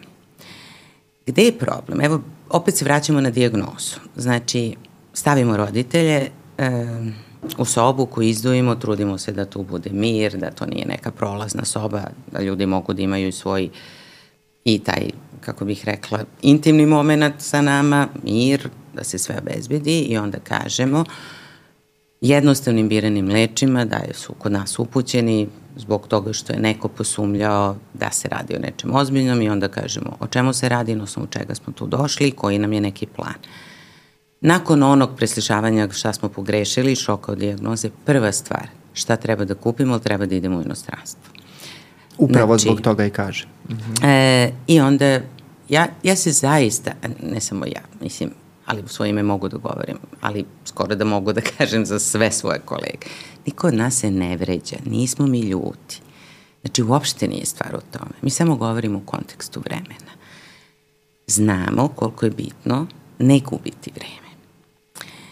E, ako čak mogu da budem lična, pa se setim tvog rada koji si radio za CNIRS, e, evo ti možda objasniš šta je CNIRS gde si bio aktivan, Znači, ti si izlačio na našem odeljenju, jako se sećam, bilo je blizu 300... I više, 350 je bilo, čini e, se podatke za nešto što mi zovemo lag time. Lag time je moment od pojave prvih simptoma koje dete prijavi ili ako su više malo roditelji primete, do dolaska u našu ustanovu, odnosno u referentni tercijalni centar koji se bavi lečenjem raka. Rezultati koje si ti svojim rukicama skupio prešinareći po istorijama i delom ovaj, kom, preko kompjutera su pokazali da smo bolji od Engleske, Amerike, Srbija ima dosta dobru pokrivenost. Ja, ako me ne vara sećanja, možda to nije aktualni podatak, to je podatak od prijeno deseta godina koju sam saznala od našeg profesora Radlovića koji se zaista sjajno bravi pedijatrijom u našoj zemlji. Mi imamo 156 domova zdravlja u kojim ima pedijatar u ovoj zemlji, koji nije velika. Znači, negde smo malo manje od 7 miliona ljudi, to je prilično dobra pokrivenost. U Engleskoj Americi imamo GP, General Practitioner, odnosno ono što bi kod nas bio panda neke opšte, opšte prakse lekar. ili porodičnog doktora ili kako god. Decu treba da gledaju pedijatri i mi na tome strašno insistiramo. Mi imamo najmanje četiri ozbiljna velika edukacijona događaja godišnje, plus milion raznih nekih kurseva, sekcija, čega god. Ali ovo su dani klinike, oktobarski dani, februarski tečaj, da kažemo dani instituta, pedijatrijska škola i postoje pedijatrijski dani u Nišu plus, kažem, Besproj. I mi uvek biramo, kad kažem sad mi, mislim na nas hematoonkologije dečije, teme koje su skrojene za primarnu i sekundarnu zdravstvenu zaštitu, znači za pedijatre koji rade u domove zdravlja i koji su strašno pogrešno pocenjeni, znači to su ljudi koji tu decu godinama prate i koji upravo prvi posumnjuju te neke stvari i zato mi imamo taj kraći period jer su oni dobro edukovani, jer mi radimo na tome. I ta deca relativno brzo stižu kod nas. I nemamo zastoje kakvi postoje u sistemima razvijenih zemalja. Pa hajde taj novac koji se skuplja da jedno dete ode negde, pa se potroši 300 ili 500 hiljada evra, hajde da se uloži ovde. Hajde da za taj novac desetoro dece dođe do svog izlečenja. Da. Ja već e, vidim nekako ovo je vrlo osetljiva tema yes. za celu naciju jer moram da priznam da nisu, moramo sad malo da se ogradimo, nisu sve pare koje se skupljaju, da kažem, be, da se bespotrebno skupljaju. Znači, upravo postoje slučajevi kada su iscrpljene naše mogućnosti lečenja i kada se neke stvari stvarno sa razlogom skupljaju, ali postoji mnogo stvari koje se nažalost ne i to je ono zbog čega... Bilo bi super da postoji neki stručni odbor koji bi sadrža, sadrž, odnosno koji bi se sastojao od nekoliko profila, znači doktora različite specijalnosti, pravnika, ekonomista, kogod tu treba da učestvuje i da to skupljanje novca znači podlačim, ne bude korumpirano od strane učesnika Tako i da je. tu se zaista raspoređuje. E, mi imamo nekoliko fondova u zemlji, Fond za redke bolesti, član ovaj, član onaj, pri zakonu za ovo ili ono, sada ne dužim, koje imamo e, komisije pri e, Fondu za obavezno zdravstveno, odnosno Republičkom fondu zdravstvenog osiguranja i pri Ministarstvu zdravlja. Znači, ukoliko mi mislimo da nešto ne možemo, mi pišemo i država šalje to dete u centar za koji mi znamo da je najbolji. Znači, čak i to slanje u inostranstvu smo se izborili da bezbiti država pa pomozimo državi koja često ti fondovi, na primjer, evo sad u julu ostanu bez novca zato što inovativne terapije mi ne formiramo cenu. Ja ne znam zašto neki lek košta milion evra, meni zvuči besmisleno, ali tako je. Mi to ne, mislim, mislim stvarno što to bi je druga rekao, priča, druga ne, da, priča. Da, da. Ali toliko je sada, ali ajde da dođemo do njega tako što će se taj novac tu sliti. Evo ja, pošto mi je ovo očigledno, bolna tema, počela sam da mašem po celoj sobi, ali ja e, znam koliko je ovo klizav teren o kome mi trenutno pričamo. Da mi kao dva doktora sad kažemo javnosti nemojte to da radite, pa mi ćemo ispasti zli ljudi koji ne žele da se to neko dete izleči. Znači, užasno je klizav teren o kome pričamo. I nas dvoje radimo ovo što radimo, oboje sa decom različiti način, a negde i vrlo sličan. Upravo što želimo da se svako dete izleči. Hajde ljudi, verujte nam, verujte nam da znamo i najbolji način. Prosto, uh, Kažem, dešava se svugde u svetu. Ne shvata mi to lično. Nije to samo srpski specialitet. Ali ajde da budemo pametni, ajde da budemo bolji. Hajde da verujemo jedni drugima. Hajde da pomognemo jedni drugima. Nismo bili, nažalost, svenoci teških malverizacija toga. I od strane roditelja, i od strane dela sistema, i od strane stranih kolega. Skoro se vratio pacijent, roditelji su odabrali da se ovde ne transplantiraju. Kod nas se lečio, došao je do, prosto je bio kandidat za transplantaciju koštane srži i odabrali su da odu na jednu kliniku u Italiju, gde su im naplaćene stvari koje su uređene u ovoj zemlji. Mm. Na primjer, ugradnja centralnog venskog katetera je naplaćena 5000 evra u toj klinici, kateter je i nega, kateter je ugrađen kod nas i tamo nije menjan. Da. Mislim, Što bi da- rekli, shame on you. Mm. Ali može im se. Da. A mi im pomažemo. I to je ono što mene boli. I sve nas koji smo deo toga. E, kada govorimo o, o parama, generalno nešto se time bavimo sad u poslednjih 15 minuta, um, nekako smo i ja i ti kroz razgovor zaključili da sve nešto u medicini mnogo košta. Zašto je to tako? Mm, to ja ne bih umela da ti kažem. Uh, što bi rekli, mi ne formiramo cene. Mi smo izvršioci da. usluga, mi ne formiramo cene. I kad kažem izvršioci usluga, to je ono kako ja zaista posmatram našu struku. e, ljudi imaju opet pogrešno predobeđenje da je većina doktora arogantna, da je to neka specifična, nedodirljiva profesija. Najveći broj doktora nije. Vrlo je pristupačan i zaista je odabrao poziv, neću reći posao, ali to zaista jeste poziv, da čini razliku u kontekstu zdravlja. I mi zaista s tim koliko šta košta ili gde se šta nalazi ili kako se organizuje najmanje imamo veze. Trebalo bi možda budu, budemo u to uključeni, ali nismo. Kako u svetu izgledaju stvari? Ja se opet enti put vraćam na Dana Faber, ali prosto kao jedan primjer odlične organizacije. To je unazad, evo koliko ja pratim, recimo 15 godina, po onom US rankingu, znači kako se um, ocenjuju njihove bolnice, broj jedan dečje bolnice u Americi. I, znači, ljudi prepoznaju razne potrebe i rade u tome. Oni su se vezali za Red Sox, onaj čuveni bejsbol tim koji je blizu i, i lokacijski blizu bolnice, jel, u Bostonu. I šta oni rade? Oni su davni godina, znači još 50. godina 20. veka, sklopili neki ugovor sa njima. Znači, od svake prodate karte, od onih suvenarnica gde se kupuju ti kačketi, te palice, majice, gde se potpisuju razni ti igrači, pa sve ono ove, procenat ide njima. Što se mi ne bi vezali za zvezdu, na primjer, za koju ja javim, može i partizan pristaćemo, ali šalo na stranu. E, mi imamo, ne mogu da kažem, imamo nekad pojedinačne donatore za neke stvari, ali to je tad, na primjer, banka Inteza je s vremenu neki veliki novac dala za obnovu, ako se dobro sećam, intenzivne nege ili angiosalije kardiološki. Velik, tipa milion, dva, nečeg, sad se gađam s tim, ali mislim, veliki novac. Mora da postoji kontinuitet. Ja ću navesti primjer jedne bake, koja nažalost više nije živa. E, sam, baka sama živi od svoje skromne penzije. Je kupovala vunu u najdivnijim bojama i plela kapice i donosila zimi da deci koji izgube kosu ne ozebe glavica. Eto, toliko. U Italiji sam videla čoveka, znači koji je u penziji, fen, znači odličnu penziju ima, radio na nekom položaju nekog direktora u nekoj velikoj firmi. I on pomaže, da kažem, i finansijski njihovo roditeljsko udruženje i bolnicu. Ali dolazi vikendom da pegla, da roditelji koji su u roditeljskoj kući se igraju s detetom, on im popegla veš. Pa ste ljudi, može se pomogne na milion načina.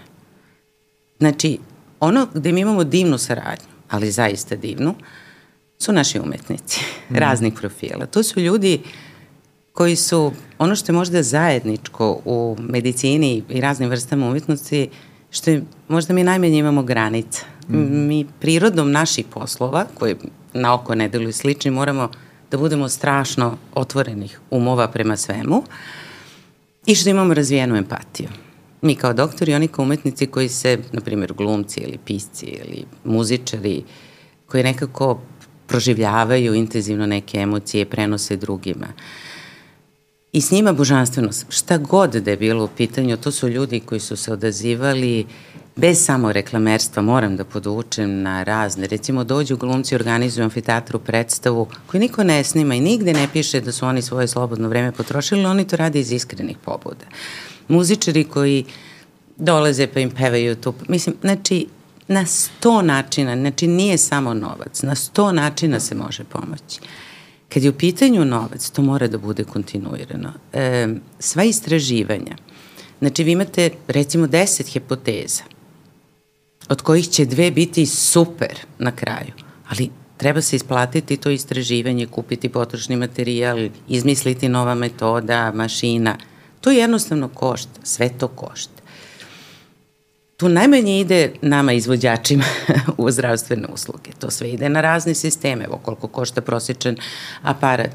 Evo, razbacuju se, razbacuju se razni, evo, kupili smo za domove ove, one, toliko i toliko par. Sve to košta.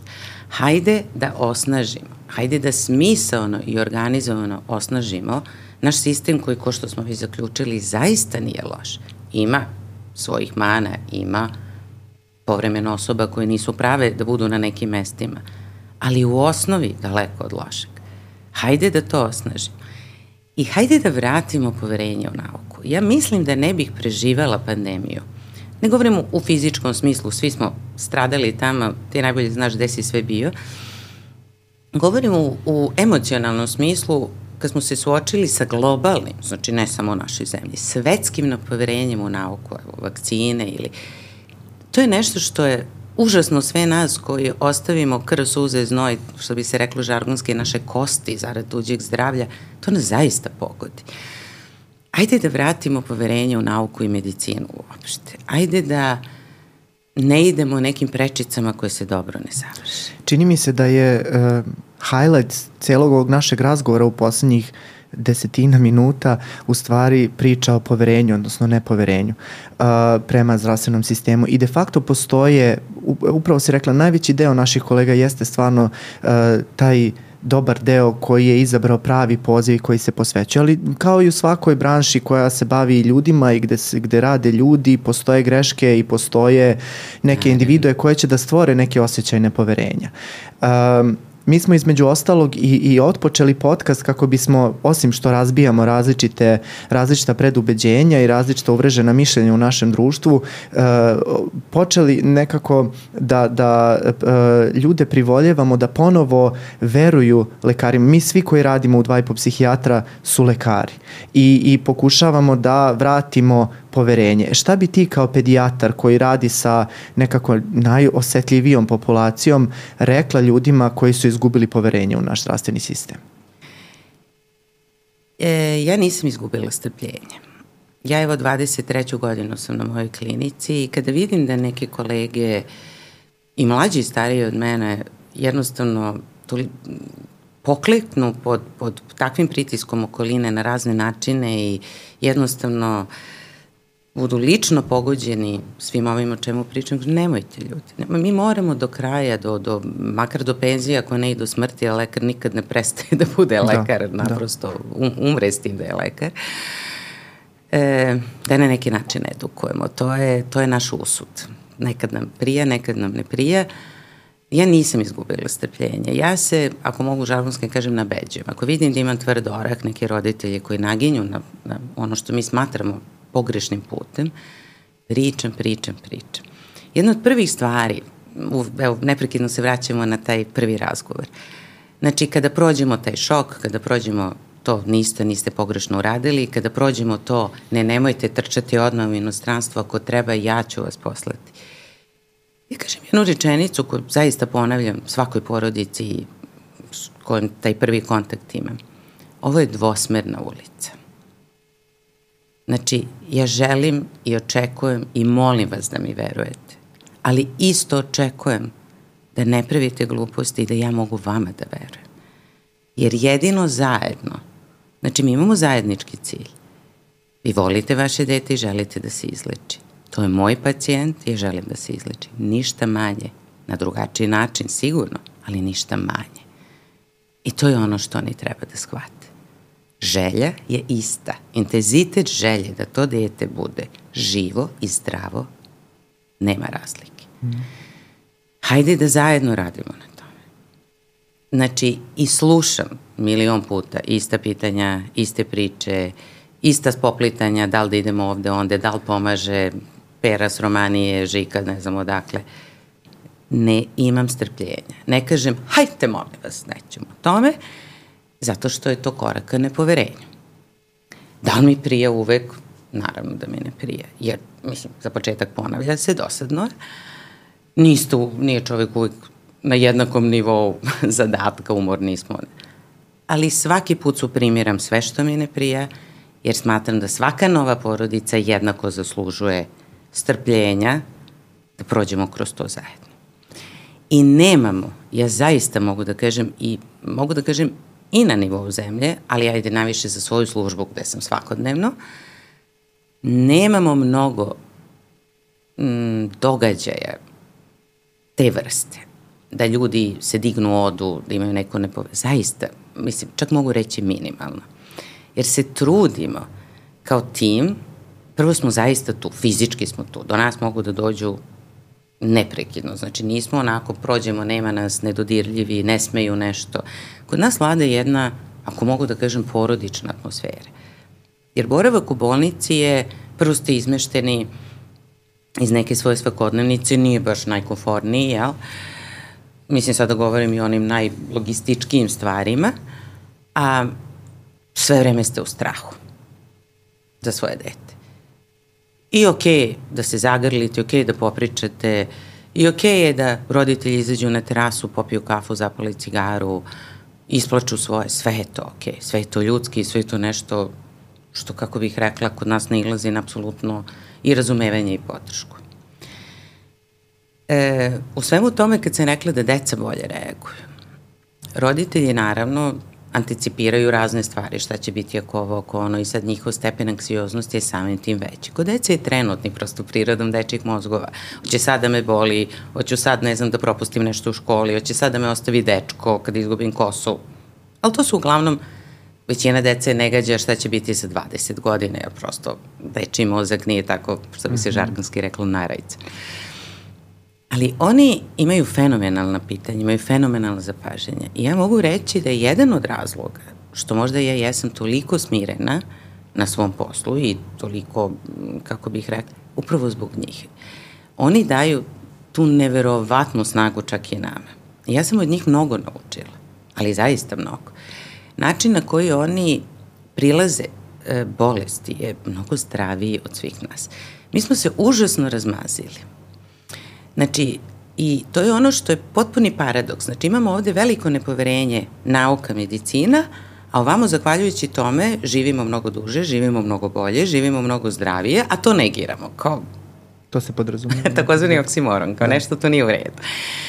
E, znači, i e, naše ambicije su ogromne. Znači, nije nama cilj samo da izlečimo dete. Mi želimo da to dete bude zdravo, funkcionalno, ima svoju zdravu decu, da normalno radi, da nema sto drugih bolesti zbog našeg lečenja i time opterećuje dalje zdravstveni sistem sebe, svoju porodicu, pa sve redom.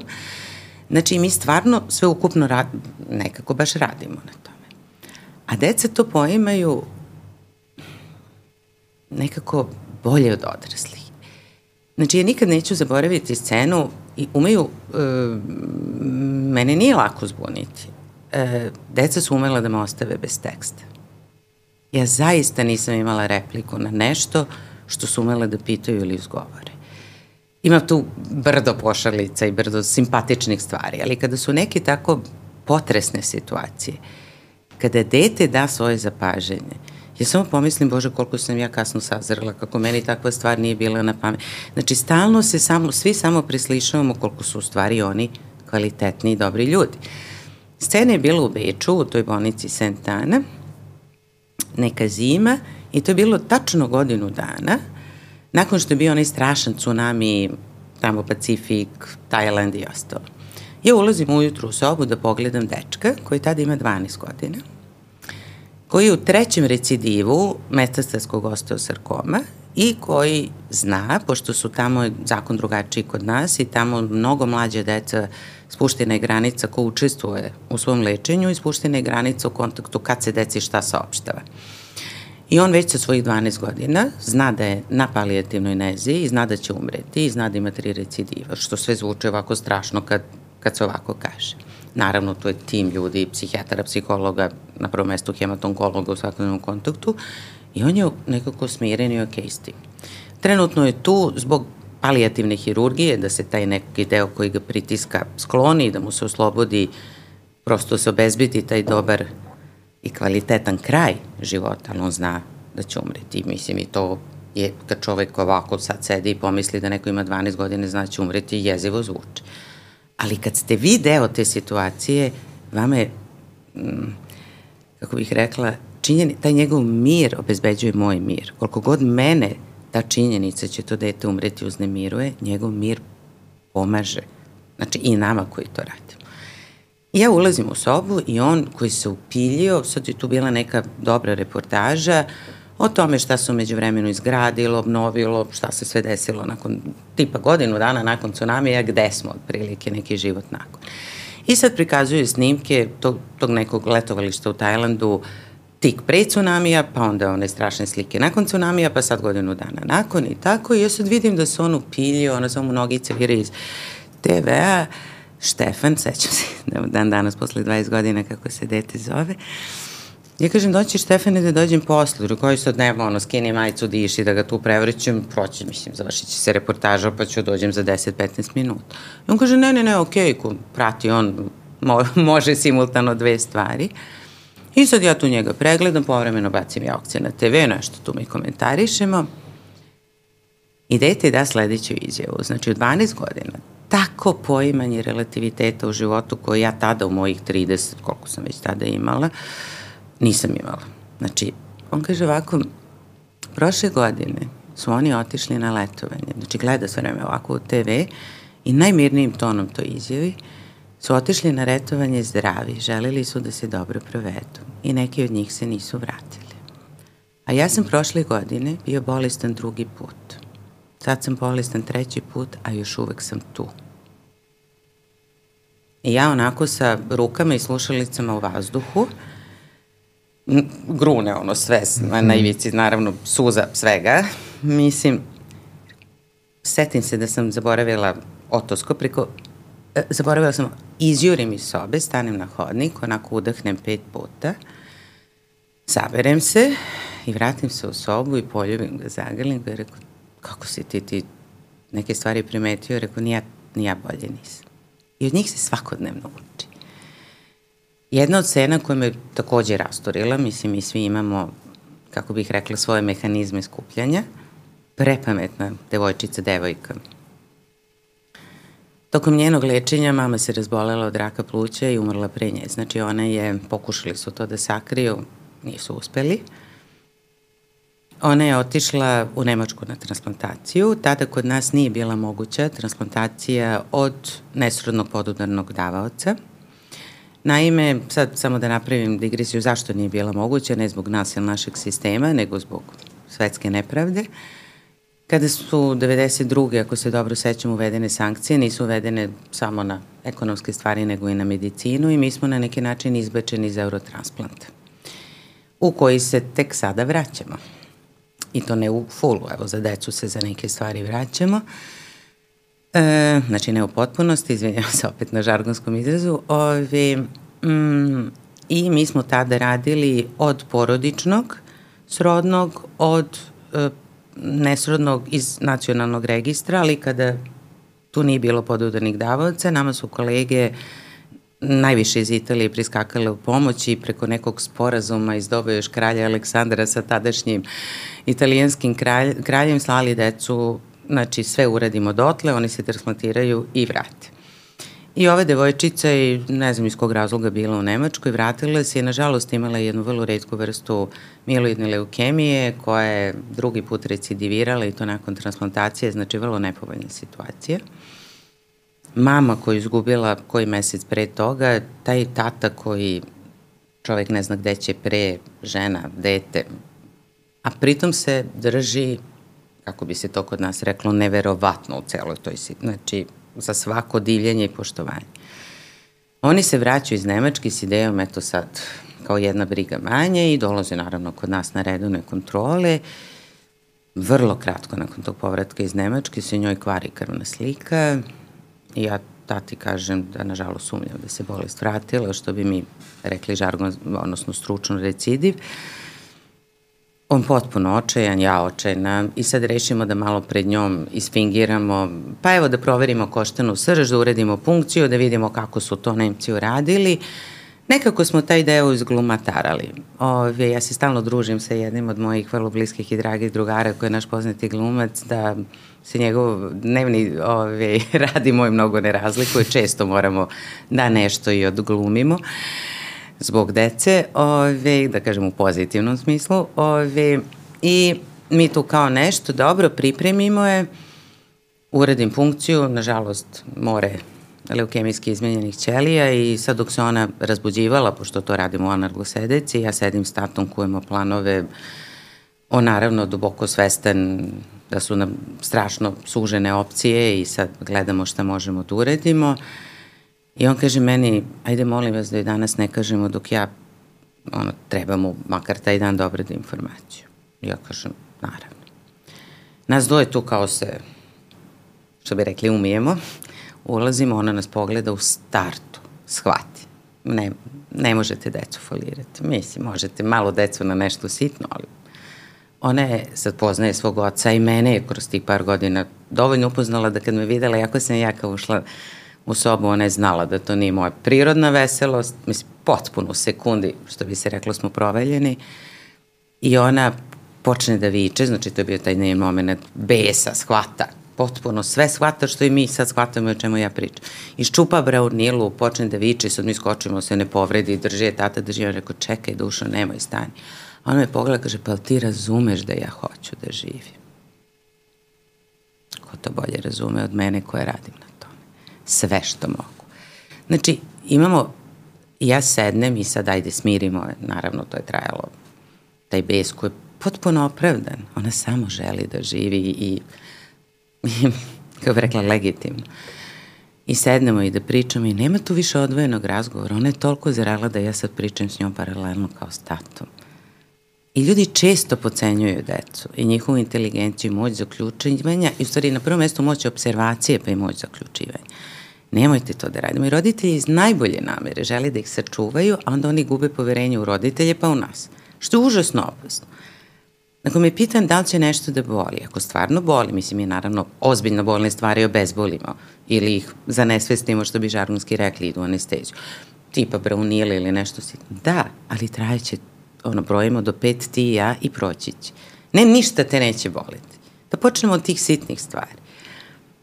Nema laganja. I ja sam protiv toga kad roditelji kažu možemo detetu da ne kažemo. Dete ima 15 godina, ima mobilni telefon, i ume da pročita hematonkologija. Pa to je toliko vređanje sobstvenog deteta. Da. da mu kažemo da je ovo ozbiljan grip. Ozbiljan grip, rekao ljudi, mislim, vaše je dete, vaša je odluka, ali nemojte to da radite. Vas radi, ja sam prolazna osoba u njegovom životu. Mene čak i da zamrzi ili mi ne veruje, gledat će me 2, 3, 4, 5 godina. Vi ste tu ceo njegov život. Nikad vam neće verovati. Asocirala si me upravo na scenu iz filma koji sam već napomenuo da gledam, gde je devojčica na kraju filma zapravo to isto rekla. Ja sam znala od samog starta, pošto je e, roditelji njene su je lagali, odnosno rekli su je da je to sad neka benigna stvar, ne sjećam se tačno, ali na kraju je rekla da ja sam znala da sam ozbiljno bolesna od samog starta.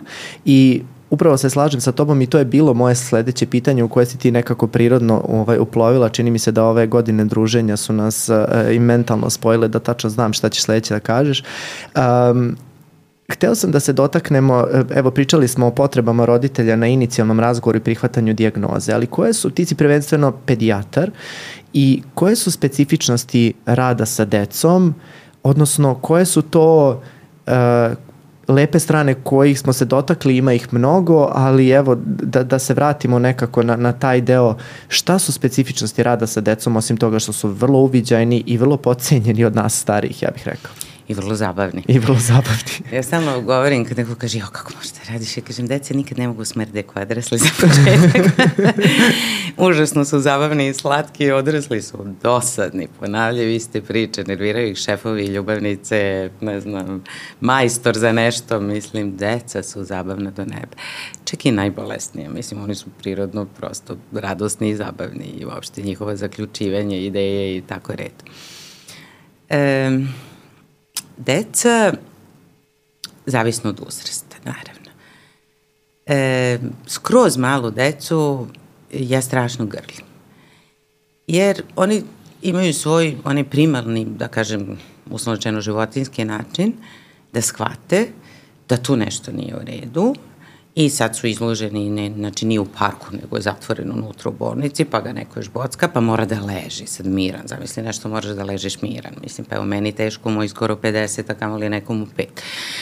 I samo gledam kako ću tresnem ovaj mikrofon, koliko mislim, neprirodno je zdravoj osobi da bude toliko mirna. I dete, obično kad se razboli od neke naše bolesti maligne, ono je suštinski zdravo, znači nema sto komorbiditeta drugih bolesti, nego ima samo tu bolest i ono i dalje kad je dovoljno dobro i se osjeća aktivno. I onda kad se tako nešto dešava, što pričamo s njima, obezbedili smo razno, znači imamo e, pumpe koje se pune, imamo stalke na točkiće, prvo da ne moraju da budu prostrti neprekidno u krevetu, znači mogu da budu mobilni na terasi, imamo igronicu gde, koja jeste mala, ali prilagođena je to Da, mislim, prosto da nisu statični. Drugo, kad se tako nešto desi što im se ne sviđa, najbolji način, i to svako ko je roditelj, pa i ko nije roditelj, mislim, zagrliš dete. I to je skroz u redu. I to te ne čini manje ozbiljnim doktorom. I to je ono što isto kod nas pedijatera, moji roditelji koji su adultni lekari, e, ja nikada evo sad digres, mislim nije digresija da kažem da ilustrujem tu razliku. Moja mama je adultni nefrolog, bavila se transplantacijom nefrologijom, takođe jedna vrlo topla osoba i redom, ali nekako cela ta komunikacija s odraslim ljudima je drugačija. I kako su naši pedijatrijski nefrolozi, naravno na njihovoj klinici obučavani i kad su uh, živi donori porodični, tada su dolazili adultni nefrolozi, znači transplantacija se radila bubrega na našoj klinici, pa ako da, na primjer, mama detetu, onda oko mame zovu moju mamu ili nekog iz njenog tima da se bave donorom. Ja sam tek počela da radim uh, i moja mama, znači nju zvali, ona dotrčala, pritom mi se ni ne javi da je u mojoj zgradi. Ja izlazim s odeljenja, krećem ka dnevnoj bolnici koja nam je jako važna, upravo uz konteksta dece. E, I e, vidim moju mamu na hodniku. Kaže, mama, otkud ti ovde? Mama kaže, evo, hitno su zvali, idem. Rekao, pa dođi sekund da vidiš gde radi. Mislim, sad ja sva sreća, moja mama je došla s tolikim iskustvom u medicini, eto da vidi gde smo. I sad ulazi na moje odeljenje. U tom momentu ide nek dečkić od tri godine koji mene vuče za mantil i viče, ej da ti kažem nešto, on sad ima, a moja mama se potpuno zapanjeno okreće ka meni i kaže, tebi pacijenti ne persiraju. Ko, mama, on ima tri godine, ne zna da je njegov nos, da li si normalna. Mislim, znači da počnemo od toga e, da je to stvarno pristup drugačiji i to je ono gde nas onako malo neke struke, ne sve, u medicini, kao, otprilike mi smo izabrali pedijatriju da se igramo, mi smo kao vaspitači u obdaništu, pa kao sad u crtama igramo se, To i radimo kad Tako imamo vreme. bući bući terapija. Bući, da. da. Mali pacijenti, mali doktori, da. da. Kako god imamo vremena, mi se svi igramo s decom, jer je to skroz okej. Okay. I svaki dobar doktor to koji radi s decom treba da radi. I ja sam to viđala takođe po belom svetu, znači to nije neki sad kako bih rekla, moja projekcija na to kako se, mislim, to je potpuno prirodna stvar. Moj najmanji broj uniformi je beo, to su lila, roze, pa je pokačen iz beđeva, pa su nam hodnici u dečim crtežima, to zaista ne treba da izgleda sterilno, belo, dosadno, ni prirodno okruženje za dete. Mm. Tako da s malom decom te neke stvari koje su vezane za lečenje ide čovek kroz taj kako bih rekla, roditeljski deo. Zagrlite ga, utešite ga, popričate, poigrate se. S odraslom decom pričate. I pričate vrlo otvoreno i pričate, uvažavate ih, jer oni su u problemu. Jer vrlo često e, ono što, što recimo mene strašno pogodi i tada vidim da su roditelji na lošem putu, opet podlači najveći deo iz najbolje namere. Kad se dete izvinjava roditeljima što je bolesno. Roditelji jednostavno ne mogu da, nemaju kapacitet da se dovoljno saberu da budu tu za dete, jer su užasno pogođeni time što se dešava detetu I dete to vidi i dete to osjeća i onda kaže, mama, nemoj da plačeš, izvini, molim. Ono se izvinjava što je bolesno, mene to rasturi. Da, da. Ne, to je pogrešna koncepcija. Svi treba da smo tu stabilni za dete. Da li nam pada roletno? O da. Da li će tim roditeljima da da, najđe moment ovako onako? O da. Izađeš na terasu ili se zamenite. Dođe tata, ti odeš na par dana, mama ode, ispriča se, ispliča se, šta god da pomaže tome vrati i tu smo za decu da budemo bukvalno faktor stabilnosti. Ali znaš šta je isto interesantno? Kada god uh, radim sa roditeljima, pošto mi između ostalog, uh, osim što radimo sa decom, mnogo radimo sa roditeljima, jer ti znaš koliko u dečoj psihijatriji rad sa roditeljima nekako dragocen. Kada god se radi o tim, o toj mlađoj deci koja imaju te ozbiljne razvojne poremećaje, kada god ih pitam za, da li ste u poslednjih pet godina uradili nešto za sebe, uvek kažu ne. I onda zašto? Zbog osjećaja krivice. A o čemu osjećaj krivice, osim tog ličnog, jel, nisam u svoje dete dok je bolesno i kad mu najviše trebam, tu je i pritisak okoline. I zamisli sada recimo dete koje leži u Tiršovoj, majka recimo koja je do neba iscrpljena time i ti joj kažeš da, ok je da odeš na jedan dan, da odeš kod frizera, da odeš, da, da odeš da se okupaš, da odeš, ne, ne znam, neke mini, mini, nas svaki dan da se kupa. da, da, da, ali prosto neke minimalne da, stvari da uradi za sebe sebe, um, prosto i, i, i za takve stvari imaju preplavljujući osjećaj krivice. I to nas sad dovodi do ove teme s obzirom da evo ovo je psihijatrijski podcast i, i e, vrlo bih želeo toga da se dotaknemo. Koje su potrebe porodica nakon saopštavanja takvih dijagnoza? Ti ne radiš samo, mislim, primarno radiš na hematonkologiji, ali sticajem okolnosti znam i kakva su dežurstva na, Kada na klinici. Kada pokrivamo celu pedijatriju na, i sve hiruške, deči hiruške konsultacije. E, da. upravo to. Znači, koje su potrebe dece, koje su potrebe porodica uh, tokom lečenja i nakon lečenja ovaj, na pedijatriji? E, sad uvod u celu priču jeste kad je meni moj ujek koji je adultni ortoped rekao, bože, kad si ja rekla če ću se baviti koji si ti budala, ti nikad nećeš imati samo jednog pacijenta.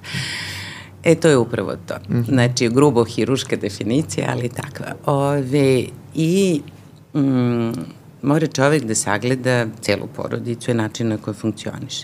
Različitosti su okej. Okay. I to je ono gde nekada i mm, deo nas kao profesionalaca greše ili ima neku svoju ideju kako treba da izgleda savršena porodica, pa ako neko iskoči ne, ne, ne, ne. Ne sme tako. Nikako mm -hmm. tako. Naravno, govorimo u onim okvirima gde ne postoji zanimerivanje, zlostavljanje ili bilo kakva ozbiljna disfunkcija ili neki događaj. Govorimo o tome da, mislim, rastu ljudi kulturološki različito, običaj, želje i to je sve ok. Dogod je dete voljeno i srećno i paženo, meni zaista način kako su oni došli do toga, a on se tako osjeća, nije bitan, nema nikakvu osuđivačku politiku. Znači u tom smislu, znači dogod je to izvor stabilnosti i radosti porodičnog kruženja kod deteta.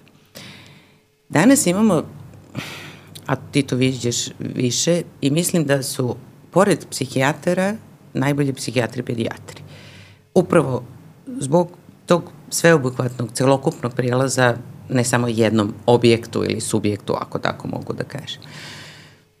E, ja znam imena ljubimaca pacijenata. Recimo, roditelji su u strahu sad ako se razbola, pa pazimo, pa sme kuće? Ba naravno da sme kuće, mislim, po Bogu, pa kako se zove kuće, pa slike, pa čuda, pa sve. Znači, to samo nisu u porodici i oni koji hodaju na dve, nego i na četiri noge. Mm -hmm. Znači, svima vodimo račun. Jer je sve to bitno za dete.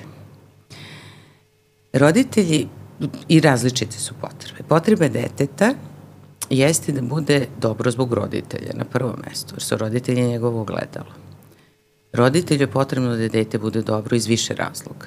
I zbog, naravno, toga što ga polazimo od zdravih i urednih porodica voli, želi naravno da ga nadživi i sve mhm. kako to po prirodnom red, redosledu stvari ide. I zbog tog osjećaja krivice, i zbog svega, i zbog redu. Roditelji se projektuju i na sada i na kasnije šta će biti sa školom, šta će biti kasnije, da li će imati svoju decu zdravu, da li... Deca se projektuju na sada, najčešće. Veća deca, naravno, što su stariji, dobacuju sve dalje. Mi imamo, pored mm, lekara i sestara, tim koji podrazumeva socijalnog radnika, koji se zaista bavi ozbiljnim stvarima koje efektiraju, jer dijagnoza raka nije samo ovo sve o čemu najviše pričamo i emocionalni šok i mm, da kažem svo organsko delovanje, sam proces lečenja koji je dugotrajan i vrlo kompleksan, nego izmeštanje ne na kratko iz regularnih zdravstvenih okolnosti. Kao što znamo u našoj zemlji, ne mali ljud, broj ljudi radi na crno. Mi zaista želimo i podržavamo i mi smo, ja mislim, pored neonatologije bili jedino odeljenje tokom pandemije da su roditelji bili uz dete. Kada je sve bilo svedeno, naravno, mm -hmm. iz opravdanog razloga na minimum i kad su najčešće deca ležala sama u bolnici. Zato što smatramo da je podrška bitka i za to smo se izborili, eto da kažemo i u nekim varenim uslovima kao što je bila pandemija. E, Znači, socijalni radnik se trudi da, na primjer, taj roditelj, ako će biti uz dete, taj privatnik najčešće, jao, jadni vi, ali nakon dve nedelje dobije otkaz, jer mu treba neko da mu radi. Znači, imamo neprijavljenog, on jedini, na primjer, privređuje ili tako nešto. Znači, imamo ozbiljne stvari koje utiču na kvalitet i na čak osnovnu egzistenciju tih porodica. I zato kad kažem upoznati, nisam samo upoznati kako oni razmišljaju da vole alternativu, nego zaista sagledati celokupnu porodičnu organizaciju. I onda, skodno tome, Pored naše socijalne radnice na klinici imamo naravno i nuturu i oni zajedničkim snagama gledaju da tim porodicama mi smo odštampali tone formulara koje samo trebaju se popune da se neke kako bih to nazvala, neka pomoć od strane društva, institucionalizovana pomoć ostvari. Tu imaju pravo na tuđu neku pomoć, neku jednokratnu novčanu od strane najvećeg broja opština. Imaju e, produžili smo bolovanje. Kad sam ja počela da radim, bolovanje je bilo dva, pa četiri meseca. Prosečno se leče, znači evo, ALL, koje je najčešći malignitet kod dece, se leči dve godine, što znači dva ili četiri meseca. Sada roditelji ostvaraju i pritom su dobijali ono smanjeno kako se na bolovanju dobije 60%, 60%. ne znam, ja nikad nisam solo bolovanje pa ne znam koliko je, ali nešto smanjeno. E, znači sada dobijaju 100% plate kroz kompletno lečenje. Znači, mi smo stvarno, kad kažem da se borimo, borimo se naravno i za medicinu i za paramedicinu koja pomože medicini. Mm. Znači, ja se sećam, borili smo se za školu u bolnici, borili smo se za osnovnu, nismo još uvek za srednju, borimo se. Ja se sećam da sam pred svoj specijalistički ispit sedela u gradskom sekretarijatu za obrazovanje i ministarstvu, idući sa članovima Nurdora da im objasnimo. Imamo divne saradnike, to je osnovna škola Dragan Hercog za decu koji su ili u bolnici ili sa različitim potrebama, uključujući tvoje pacijente razvojni mm -hmm. koji mhm. dolaze, to su predivni ljudi koji su neke naše obuke prošli u kontekstu i komunikacije i, i, i one, da kažem, infektivne barijere, kad šta, kako i koji rade s tom decom, jer nama je jako bitno da dete ima što manje osjećaj da je izmešteno iz toga. I ja strašno favorizujem školu. Sve stalno misle da se ja neki štreber, nikad nisam bila štreber, nego u stvari je to način da kad se vrati u svoje tokove, se ne osjeća ometenim, oštećenim ili kako god zbog lečenja. Mm. Znači da nije zaostao od svojih drugara lošim uspehom, da je nešto propustio i tako. Znači insistiramo na školi, insistiramo. Jedan tata naše pacijentkinje koji je difovec je snimio disk koje se vežbe rade, da se mnogo ne uleže, znači da budu i fizički fit, božanstven disk. Znači, mnogo šta radimo da deci taj boravak, lečenje, sve to prođe uh, što bezbolnije i da ih pripremamo na nastavak jednog ne volim reč normalno, ali da kažemo normalnog života. A između ostalog znam da imate i kliničke psihologe koji o, da. rade sa decom u smislu uh, podrške nakon dijagnoze, eventualno nekog testiranja, podrške u slučaju zlostavljanja, zanemarivanja. Sad ne znam, ti mi reci da, da li sam nešto Ima propustio. Ima tim, na, mi smo imali, uh, kad sam ja počela da radim nula psihologa, onda dugo jednog, koji je sada deo mm -hmm. našeg tima, pa smo u jednom momentu bili srećni sa pet, sad smo spali na tri. Znači, ali to je deo onog onaj loši deo sistema gde ne postoje otvorena radna mesta ili finansiranje, znači u ovim bolnicama koje pominjem, tipa Italije, Beč, Amerika, tu je tim, znači ima ih više maltene nego se stare i doktori. I zaista treba da se bave mentalnim blagostanjem deteta i porodice. Uh, I recimo oni su međusobno malo i opredeljeni, što ja pozdravljam, svako je za nešto više, recimo Sara je vodila upravo deo, psihološki deo ovog testiranja o kome pričaš i ranog razvoja, Vukašin je više vezan za hematonkologiju, Ljubica opet nešto treće radi.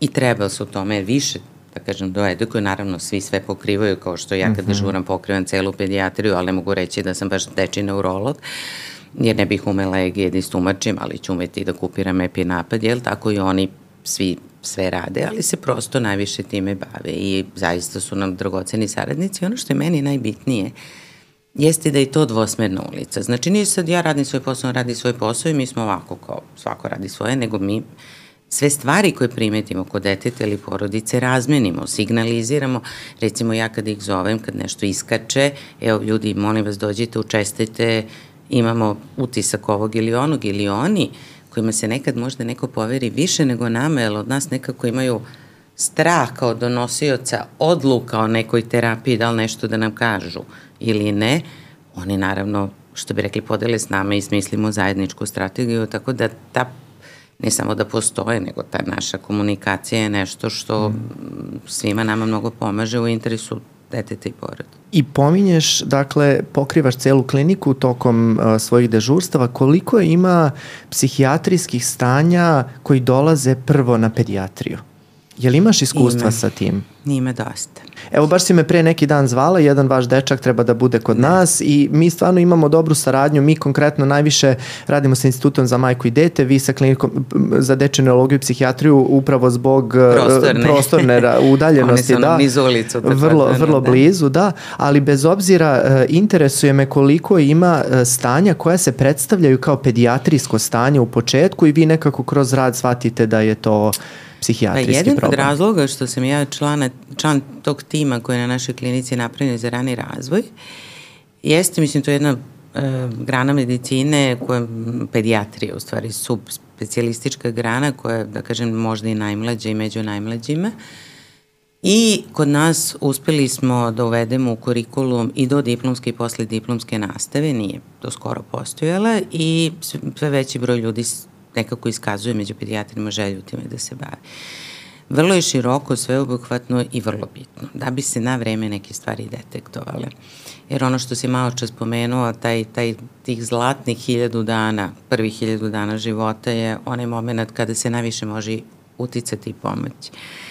Moj konkretni, e, pored toga što to smatram zanimljivom razvojnom granom, razvoja dečijeg mozga i gde sve to može da skrene i u kojim pravcima, jeste upravo grana s kojim se bavim, jer mi imamo zbog suočavanja sa ozbiljnom bolešću i dugotrene hospitalizacije, izloženosti, izmeženo, izmeštenosti iz običajnog života i bolnim procedurama, imamo deterioraciju. Znači imamo decu koju su bilo dotle super i koje budu super u onom našem smislu remisije, ali ne budu baš super u tom kontekstu. A trude se zbog roditelja da budu, a prosto mi vidimo da nisu. I to je bio moj interes da se osnaži mentalno zdravlje tokom i suočavanja i lečenja i nakon. I mnogo toga smo tu uradili. Mi imamo, um, prvo ću reći za moj deo, vratit ću se na kliniku, mi imamo kampove. Imamo letnji i zimski kamp u organizaciji Nurdora i drugih nekih roditeljskih udruženja. Uh, gde se neki način deca pred kraj ili kad završe, najčešće kad završe lečenje, kroz razne aktivnosti druže. Imamo internacionalni kamp koji je u Tuskani, Dinamo kamp. Imamo te olimpijske igre za kao survivore, ljudi ne vole taj izraz, ali mislim kod nas bi se glupo preveo za preživeli, ispadne kao onako nuklearne katastrofe. Mm. Ove, e, I imamo brojne radionice, imamo i kamp za porodicu dece koje nisu preživele, gde je, koji je takođe jednako važan, da se i ti ljudi osnaže da nastave život i gde se odvojeno radi s roditeljima i pogotovo sa braćom i sestrama dece koja nisu dobila tu bitku. Jer oni su prvo na neki način prirodom svega zapostavljeni tokom lečenja, a onda još izgube brata ili sestru. Tako da smo dosta tu radili da se da kažem, osnažimo. A što se pedijatrije uopšteno tiče, tu imamo deo sistemskog problema. Mm -hmm. Laza, Laza Lazarević, kako je svi žargonske koštana zovu Tiršova, Vas Palmotićeva, mm. njih Laza, je primao od 16. godine. Onda se Laza renovirao, onda je tu neki, ko što znaš, akutni problem u toj ustanovi sa nekim smenama rukovodstva i nečim što stvarno ne treba da bude mm. tako kako je, ali dobro. Uh, I nekako laze za nas, koji nam je vrlo blizu, zatvoren. Klinika za dečju neurologiju i psihijatriju je apsolutno institucija s kojom mi dugo sarađujemo i neurološkom i psihijatrijskom kontekstu, mada imamo stvarno našu neurologiju, ali kažem više u tom psihijatrijskom kontekstu, ali oni nisu prijemna ustanova. Znači, oni su deo kliničkog centra, mi jesmo. Mi se menjamo sa institutom, oni su nepernim i parnim danama, znači 24 sata prijemni za sva stanja u pedijatriji. Oni nisu, oni imaju prepodnevne ambulante i oni tada primaju decu. I ne primaju popodne uveče, odnosno nekog svog pacijenta ambulantno pogledaju, pa ako je stari pacijent primaju, ali da kažem da je novo ne, to je neka sad vrsta organizacije, čak ne ni njihova, nego kliničkog centra, kao što klinika za adultnu hematologiju nije prijemna. Postoji urgentni pa se onda prebacuje. To je jednostavno na nivou kliničkog centra. Znači, uh, neke kolege naše se ljute na njih, neće, pa nije do njih, to oni su deo, deo većeg sistema, jednostavno rade kako rade. Vi takođe niste prijemna ustanova na način na koji je Laza, gde se neko može, da kažem, prinudno hospitalizovati, vi ste ustanova drugog tipa, uh, Znači, na dobrovoljnoj bazi je hospitalizacija a, a, Moram samo da te prekinem, čini mi se da oni imaju svoju hitnu službu, ovaj, jer mi da. naše pacijente, ukoliko su u akutnom pogoršanju psihijatrijske, usmerimo na kliniku za dečju neurologiju i psihijatriju, međutim, čini mi se da je e, mali broj mesta u stvari nešto što njih ograničava za... Sad, tu bolje, nešto bolje, postoji. Pozvaćemo ja, nekoga da, iz klinike naravno, da, naravno, da, da, da, da ja, nam to mislim, objasni. Da. Lično, da. apsolutno nema problem u saradnji, tako da ne mogu ništa naravno. loše da kažem, ali tu je neki taj sistemski problem sistemski, koji treba da, da razreši. Mm -hmm. A zašto je to problem? Zato što se mi nađemo u situaciji da kao ustanova mi nismo registrovani. Znači, niti mi obučeni, niti imamo medikamentoznu potporu za razna psihijatrijska stanja, odnosno bolesti, pogotovo za decu koji su veće terapiji. Ja nikad neću zaboraviti kad sam bukvalno letela, fizički, kad je mene dečak, mislim dobro od mene nije teško biti viši, ali hoću reći to je dete od 16 godina, 2 metra visok, 100 kila, mislim, koma čoveka ozbiljen, bacao i mene i sestru jer su mi skočili zaštitimo neku manju decu, znači ono su uzme pa nas baci mi trasu zid, koji je psihijatrijski pacijent koji je pokušao da se ubije, koji je sad raz, razdražen ja da čoveku koji je na ozbiljnoj psihijatrijskoj terapiji dan bensedin, mislim je, a to je jedino što ja u tom momentu imam ili da, mu, da ga stavim u indukovanu komu, mislim, što da. ne mogu, ali mu ne mogu fizički prići. To su te nezgodne situacije. Nije to pitanje samog straha, što će mene da povredi. To je puna klinika dece. I to su mala deca koji su da kažem, mentalno zdrave izložena na, na nečem što ih potpuno šokira. Gde tu postoji još jedan problem, što vi imate, na primjer, tentamen, taj pokušaj, koji najčešće nije. Najčešće privlačenje pažnje, ali, što bi rekli, svakom se priđe kao da je zaista dok se ne raščivije, to ide automatski kod nas zbog potencijalnog oštećenja, na primjer, nagoto se lekova. Pa, kao, ajde da mi vidimo da nema organsko oštećenje, ja ne mogu da vežem tu neku osobu ako krene, ili da sestra stoji samo jedna koja je tipa moje konstitucije da dežura ako te neko krene nešto stvarno da uredi. Znači, to je ono što jeste problem. Drugo što jeste problem e, jesu naravno reakcije Znači, mi, mi smo imali nekoliko akutnih psihoza. Naši pacijenti koji boluju od limfoproliferativnih bolesti primaju visoke doze kortikosteroida koji su poznate da to mogu da mhm. naprave. Mm -hmm. Znači, to su psihički zdrava deca, to sve je okej, okay, ali jednostavno od, u tom momentu da kažem, jatrogeno, medikamentno, znači to bio ozbiljno akutno psihozu, znači jedno dete skoro celu mamenu kosu iščupalo, znači onako mm -hmm malo dete da ne veruje čovjek da ima tu snagu. I, još su te kortikosteroidne izazvane psihoze no, mnogo drugačije, prođe, naravno, mislim, akutnije u tom da, smislu i vrlo dramatične. Da ovaj, za razliku od hroničnih psihoza koje najčešće nisu agresivne, ali hoću da kažem, znači, te, te medikamentozno um, o, medikamento izmenjen, medikamentozno izmenjena svest u tom momentu, ja sam to i video u COVID-u kada znaš da se mnogo kortikosteroida mm. koristilo, čak i kod odraslih ljudi može da izazove vrlo burna i akutna stanja. I, a, a manjak edukacije osoblja, se stara, kao što kažete, i lekara, nedostatak sredstava, uopšte da se nešto uradi u tom smislu je veliki nama zaista dođu, ja imam nekako i lično poznanstva s nekolicinom kolega iz klinike za dečju neurologiju i psihijatriju, pa nekako prirodno stvari kada neko blizak okrene i, i oni zaista dođu i mislim kako bih rekla kada je dete dovoljno dobro pošaljemo mi kod njih, ne trebamo ih što bi rekli ali dolaze na noge, ali nekad je to neophodno zbog ili osnovne bolesti ili ovog nekog stanja. Tako da tu postoji situacija, ali ono što mi vidimo, evo dečak što smo ga malo čas spomenuli, što će doći kod tebe, to je dete koje se nepune dve godine dobilo akutnu limfoblastnu leukemiju sa roditeljima koji su iz jednog, da kažem, prosječno velikog grada unutrašnjosti, ili malog, tačnije rečeno, koji nema veze s medicinom, ali koji su, da kažem, dobri roditelji, koji su sve te neke stvari na vreme primetili šta nije okej. Okay I oni su već tada primetili da on u govornom smislu zaostao, on je motorički ok, lep, lutkica, ali pa su krenuli, pa u tom svom malom mestu nema toliko mogućnosti, naravno i svih mm -hmm. sub, sub, sub medicinskih grana, ali logoped ima, pa su krenuli, u to sve dobili u kemiju, pa sa dve godine lečenja koje praktično ono ključnih, nažalost, godina kad se neke stvari radi, smo bili skoncentrisani naravno mm. na ovo što je bilo tom momentu primarno, ali su oni njega kad god su mogli dalje vodili kod logopeda u pauzama između hemioterapije. Znači vrlo kako da kažem, skoncentrisani na dobrobit svog deteta u svakom smislu. I to dete ima de facto razvojnu poteškoću u kontekstu govora.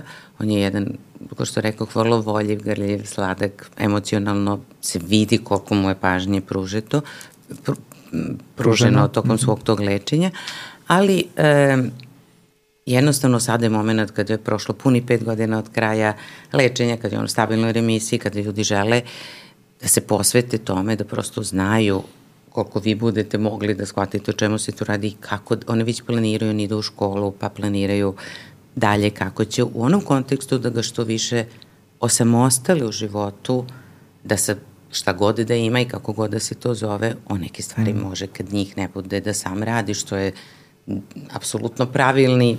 Odnos prema sve. Ja ne mogu da se dotaknem još jednog aspekta tvog rada. Kao što sam rekao na, u samom uvodu, ti si docent na medicinskom fakultetu mm -hmm. i jedna stvar koja tebe prati kroz karijeru, zbog čega sam ja između ostalog bio jako srećan što sam završio kod tebe na vežbama, uh, jeste što si vrlo posvećena radu sa studentima. Ja sad moram, ne mogu da izdržim da ne pomenem da sam ja deo jedne male grupacije uh, vrlo simpatičnih uh, ovaj, ljudi koji se uh, nazivaju pilići, a ti se kolokvijalno zove zoveš naša mama, koka mama i objasnit ćemo zašto se to tako, za, zašto smo dobili takav nadimak uopšte i sad moram sve piliće da pozdravim ovim putem. A, Oboje. da, ovaj, i između ostalog i jedno ovaj, meni možda najbliže od pilića kolega Ognjen Đurmez koji je ovaj, sa mnom upravo bunario, ovaj, prašnjavio što bi ti rekla po ovim starim istorijama kada smo radili ovaj veliki rad o kome si ranije pričao pričala. Um, I hoću da kažem, um, vrlo si posvećena tom radu uh, sa studentima. Koje su najčešće pitanja studenta koja dobijaš uh, prvi put kada dođu na tvoje odeljenje, pošto je, uh, samo da objasnim slušalcima, naša edukacija na četvrtoj godini gde je i pedija, e, petoj godini, Pet. petoj izvini, gde je pedijatrija smeštena uh, u stvari koncipirana tako da mi dolazimo na vežbe, dolazimo na odeljenja, ulazimo tamo, upoznajemo pacijente, upoznajemo uh, porodice i tako dalje. Koja su njihova najčešća pitanja i šta da li imaju neke strahove inicijalne, čega se plaše, šta je to u stvari, šta je to tvoj dominantan utisak, a pitam te to zato što znam da nas mnogo mladih studenta gleda, naše statistike to tako pokazuju, ali ovako imam feedback od, od kolega, pa mislim da bi njima značilo, evo ljudima koji nisu do sada bili na pedijatri ili koji tek treba da dođu ili oni koji su prošli, pa mi reci, eto, šta, šta su tvoji dominantni utisci? Da, volim rad sa studentima, volim i malu i veliku decu. Jedan entuzijazam koji postoji kod mlad, najvećeg broja, naravno, nisu, nažalost, ni svi studenti medicine savršeni, ko što niko nije savršen, ali najveći broj mladih ljudi ima taj divan, zarazni entuzijazam, ima e, kako bih rekla, tu energiju mladosti koja je stvarno divna. E, I naravno veliku dozu naivnosti, većina ljudi koji još ne shvata šta medicina znači ko što smo svi to prošli i imali, kako bih rekla, sve kako ide. Sad, kod nas je koncipirana pedijatrija da ide uvodni čas e, koji je pola osam ujutru, što sve kod nas u medicini mora da počne u mrak dok još dora ne krene. Nakon tog kratkog uvodnog časa gde se viče priča o nekim praktičnim aspektima određene teme, idu vežbe i onda ide predavanje. Obično pe, se trudim, jer na naše odeljenje ulaze sa strahom, ja prvo moram da zaštitim naše pacijente i roditelje. Tako da je prva stvar koju im kažem, znači su neka pravila gde nema pregovora. Ja sam vrlo liberalna, ko što znaš, ali postoji stvari gde nema pregovora šta se mora. Znači mora se voditi računa, higijenski pristup i ole neko preklađen, maska, kaljače, ne spuštaju se prljavi indeksi na deče krevete koje se vuku po svim autobusima i stolovima i mislim, znači, uvek ta prva stvar, znači, moj prvi je dobar dan, ja se zovem tako i tako, znači, ovo mora, tak, tak, tak, tak, znači, drugo, vodite računa šta pričate, jer nekako, ni to se čak stvar ni, ni nedostatka empatije, ni, ni vaspitanja, nego nekada tako ponesen i kažu, ju, koliki tumor, mislim, pa baš nemojte to izjaviti pred detetom ili roditeljima. Znači, jako vodite reko računa, vi ste ovde ipak u uniformama, ne znaju svi ljudi u kojoj ste vi ovde funkciji, šta iz vaših usta izlazi. Sve možete meni ili bilo koga drugo pitati, ali pazite, ne zalećite se da nešto nesmotreno ne kažete pred ljudima koji su vulnerabilni, bilo da je dete ili roditelji, pitanju, znači osetljivi na toliko osnova. E, najčešće volim da ih pitam šta žele da budu kad porastu, mm -hmm.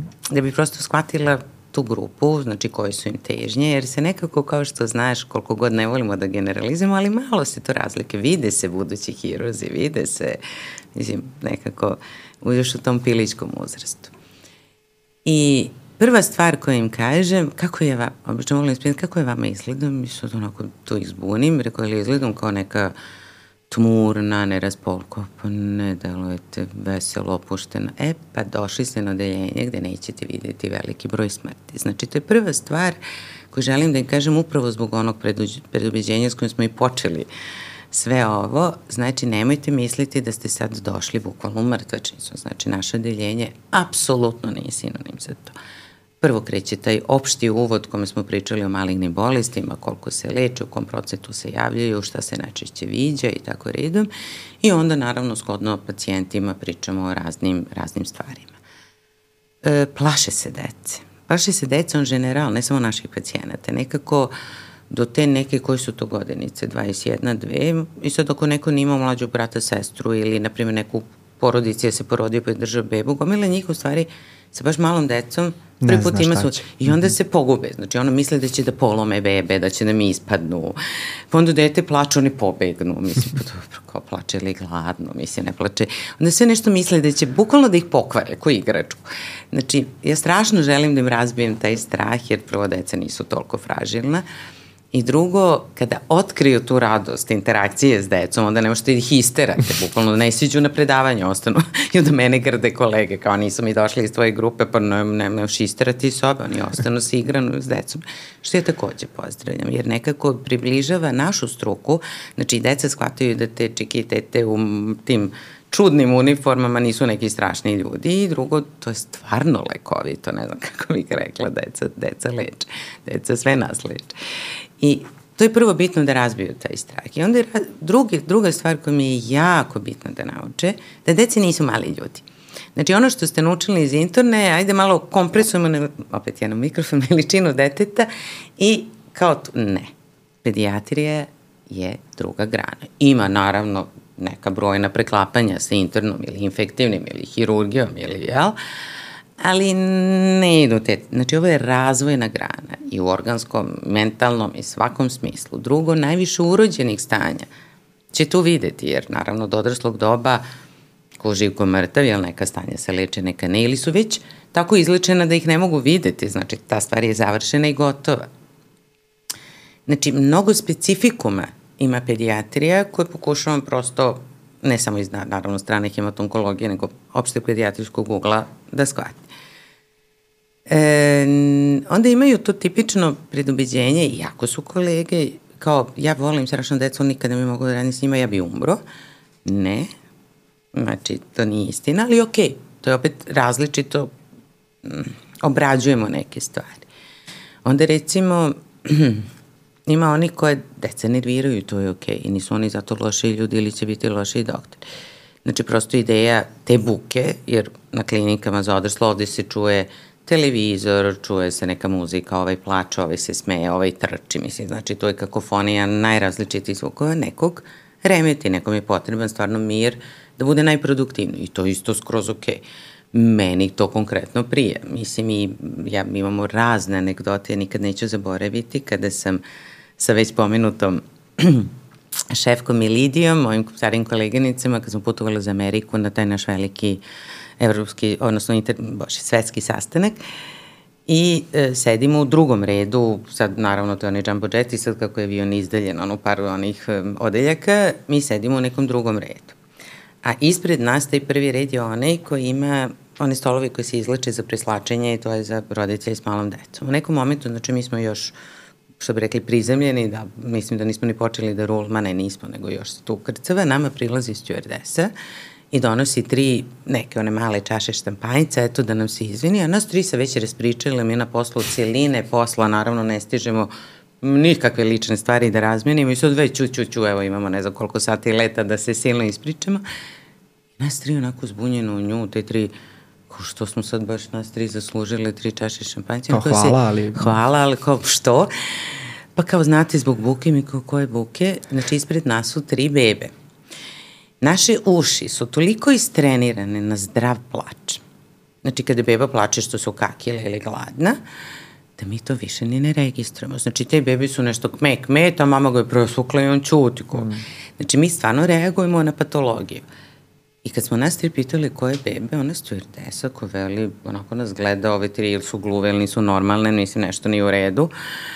I ja onda u tom momentu pogledam, vidim i počnem se smejem i shvatim koliko smo mi u stvari na raznu tu buku naviknuti i koliko je ona nama prirodna. S druge strane smo isto tako istrenirani, znaš ovo bukvalno patološki kašalj, ja u zgradi, znači dva sprata iznad sam diagnostikovala leto, otvorena terasa, laringitis. Mislim, na stadionu, znači na Amerikani se nalazi Migla Zvezda sa, da li bio, neko veliki isto internacionalni poznat klub u Setir, I sad naravno ono tranje, bubnjevi, navijanje, sve i u nekom momentu je bila šansa. To onaj moment, one napetost. Neverovatne mm. tišine koje ne očekuješ na stadijumu. Ja stojim s društvom i samo čujem kašalj koji ne valja, apsolutno mi kašalj iza. Znači ja skačem sa sedišta, nalazim dete, izgrdim oca i pošaljem i jer smo mi taj dan bili dežurni u tišu. Rekao, mislim, sedite ovde s detetom. Znači, o, moje društvo se krstilo kao gospod, ovo nije normalno. Znači, ali naše uvo je, sad evo, kroz dva, da kažem, kroz dve anegdote, zaista istrenirano na patološko fiziološko, znači na zdravo nije zdravo i opet, da kažem, mislim da posebna, kao što se neko predeli da radi, da bude pilot ili da radi s brojevima, znači ne, neki, neki, mm, neka predispozicija, talenat, šta god da neko ima, se nađe. Mislim da smo, većina nas koji smo pedijatri malo i detinjasti, jer nama deca prijaju, ne nerviraju nas, ne remete nas, ne znam, nekako uh, Moja mama je rekla da sam čuvena rečenicu da sam odobrala pedijatriju kao jako dobar izgovor ostanem detinjaste, vjerojatno je upravo, ali za neke stvari nama nekako, a nema bolji izraz od prije. Znači, to zaista nije nešto što nas remeti. Potpuno mogu da razumem da nekim od naših kolega, pa čak i kad su tako mladi, je to previše.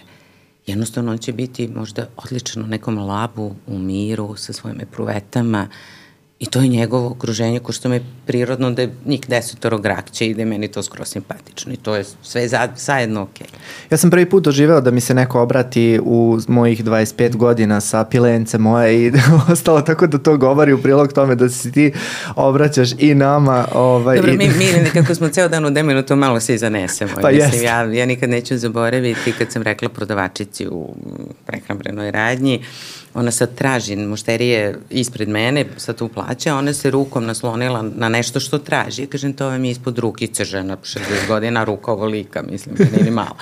Mislim, mi, mi ceo dan smo deminutivno pa se malo i zanesemo. Ali ove, ti si hteo da objasniš zašto je Chicken Mom, to je bio da. tvoj događaj na kongresu. Chicken Mom je bio, da, da, da, bio je, ovaj, u stvari, um, dobili smo u stvari taj, um, da kažem, opisni, uh, kako su, op, naziv naziv, uh, tako što su nas sestre u stvari stiž... da, da objasnim u stvari od početka. Znači mi smo, uh, kad smo završili sa pedijatrijom, uh, nekolicina nas je bila vrlo zainteresovana za pedijatriju i došli smo kod tebe da te Kradete pitamo... znanje. Kako tako je, da krademo znanje, tako što ćemo ići s tobom na dežurstva. I svako dežurstvo je bilo uh, praćeno nas onako, zavisi sad od mogućnosti, ali bilo je troje, četvoro, petoro, šestoro i ti onako kao jedna mama koka, odnosno chicken mom, kako smo te ovaj, ovaj, e, kako smo te posle prozvali zbog mog ovaj, doživljaja na kongresu, onako idemo ovaj, iza tebe kao šestoro malih pilića i to je tako izgledalo i tako su nas i prozvali. U stvari ljudi da. klinike, ako se dobro ne... Jeste, to su sestre iz drugih odeljenja, pošto su naše sestre već naviknute, njima je to prirodno okruženje,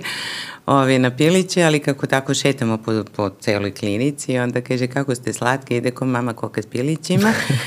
I onda si ti to objašnjavao kolegi iz inostranstva na, kada si prezentovao taj svoj rad koji moram, moram sad da ja tebi da pohvalim malo, kako je, pošto si dobio nagradu, prvu nagradu na kongresu kod nas i onda si imao priliku da nastupaš na internacionalnom kongresu, odnosno nastupaš, da prezentuješ taj rad. I prišutio kolega, zaboravila sam odakle, iz... Uh, ja ne sjećam se sad da. da li je bio neki Portugal ili tako nešto, da. ne sjećam se sad da je bio i ovaj, i onda, kako je ono sad, ja ne mogu da se e, sjetim. On, ti, on je u stvari izrazio divljenje na broj pacijenata koji stvarno da se razumemo, veliko prezilazi, mislim, studentski rad, mislim, 350, koliko da. si rekao, pacijenata i obsežnost rada i sve to što si kompletirao, ove, i da kaže kako je to stvarno ne, nevjerovatno i kako da te broj. pita kako mm. si ti uspeo i ti si onda u stvari rekao, pa eto, mi imamo tu grupu, mi smo pomagali imam dobru mentorku i one, imamo tu grupu, mi smo pilići, a onda je on pitao, so she's chicken, chicken mom. mom. Da, da, da, e, tako je bilo, tako je bilo, da, da, da. Viš ti se bolje da sećaš od bilo, mene, mene je to bilo toliko slatko, da, da, da. So she's then I chicken. ostade ti chicken mom, šta da ti kažem. A, evo, pri, privodimo s, kraju epizodu, uh, obećao sam na početku još da ću te pitati za preporuke, um, ti si rekla da najviše voliš knjige, zato što knjige najbolje opisuju ovo o čemu smo danas pričali, pa mi evo reci šta bi ti preporučila našim, našim slušalcima da čitaju, evo ide i let, mislim tu je leto je sve. Pa, e, zašto kažem knjige? Ja vrlo poštujem ovaj filmsku umetnost i ona, kako bih rekla, scenariju je knjiga. Pa još razne stvari su tu nadograđene od dobre muzike, naravno od glume, od scenografije, od čega god. Ali nekako, ako smem da kažem, se ide malo na jeftine emocije. Znači, tu jako, da kažem, neki ozbiljne serije ili filmovi imaju medicinske savjetnike, želja je da se do, da se nekako onako džonom, što bi rekli, pogodi publika i onda se tu sklisne u nešto što nije sasvim medicinski tačno, tako da nekad ne budu u obrazovnom smislu oni koji gledaju pomisle da nešto stvarno tako izgleda što nije blisko medicini. I ja ne volim patetiku. A filmovi su i mnogo skloniji nego knjige, jer prosto je to ono što bezbeđuje gledanost.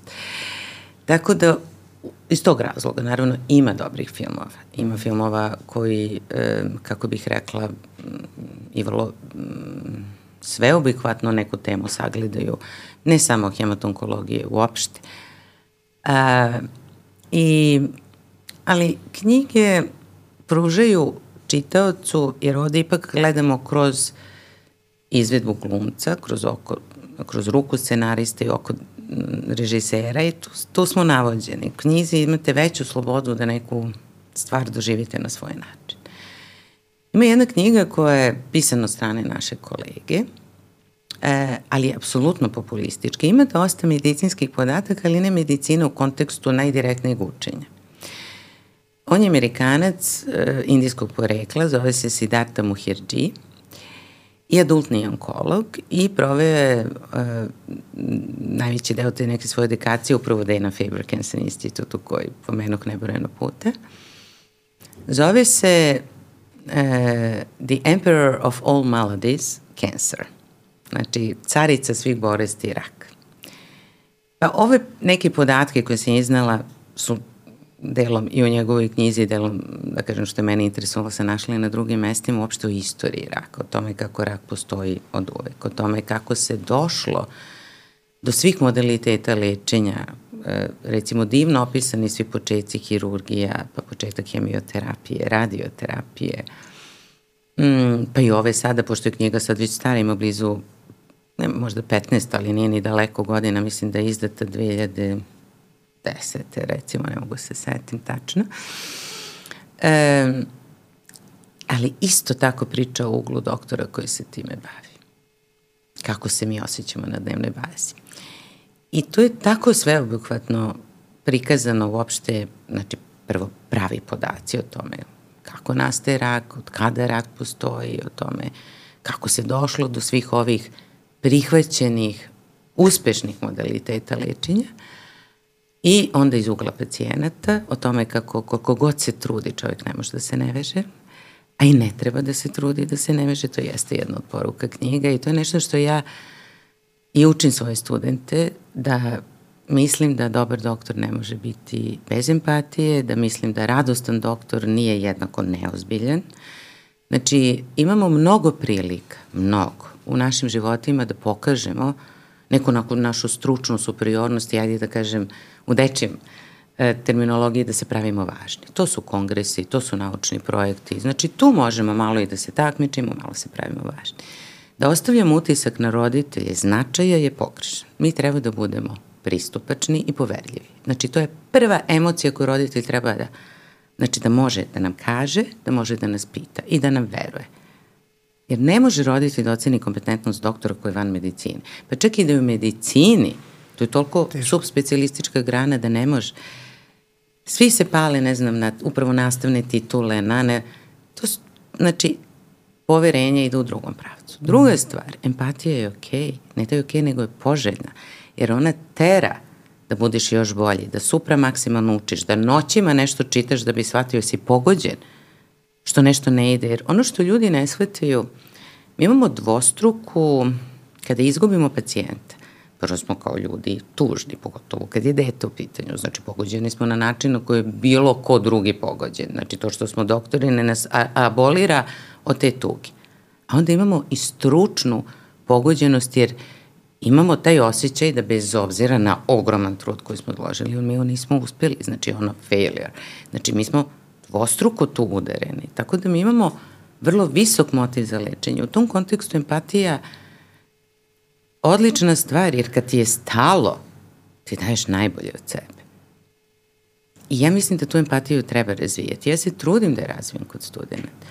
Znači, potpuno je okej okay da, mm, mislim, roditelji nekad, naravno, pogotovo naš narod koji je inače vrlo srdačan, neposredan i nema mnogo nijansirane granice u bilo kojoj komunikaciji, pa nas upetlja u neke mm. lične stvari koje ne, ali pomognete i tu i saslušate i to, a s decom pogotovo, mislim, To je nešto... Mislim da je ovo jako bitno za sve naše mlade kolege koje nas danas slušaju i sad po prirodi stvari uh, Uh, jako si ovo sve lepo rekla, ali po prirodi stvari mi smo se nekako i prostorno razdvojili, evo, svi, svi pilići koji su de, uh, činili tu našu grupaciju su otišli nekako na svoju stranu, pa mogu da kažem, konkurs za nove piliće je otvoren, ako neko bude I neprekidno traje. neprekidno traje.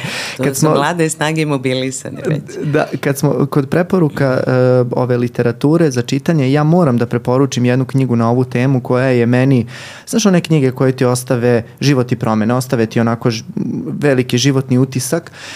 Uh, to je Oskar i gospođa u ružičastom mantilu. Uh, to je jedno, uh, jedno nekako meni iz nepoznatih razloga vrlo nije bila popularna knjiga, pa je samim tim i jednokratno nešto izbačena u Laguni. Čini mi se da je Laguna bila izdavač um, od nekog autora kod za koga ranije nisam čuo.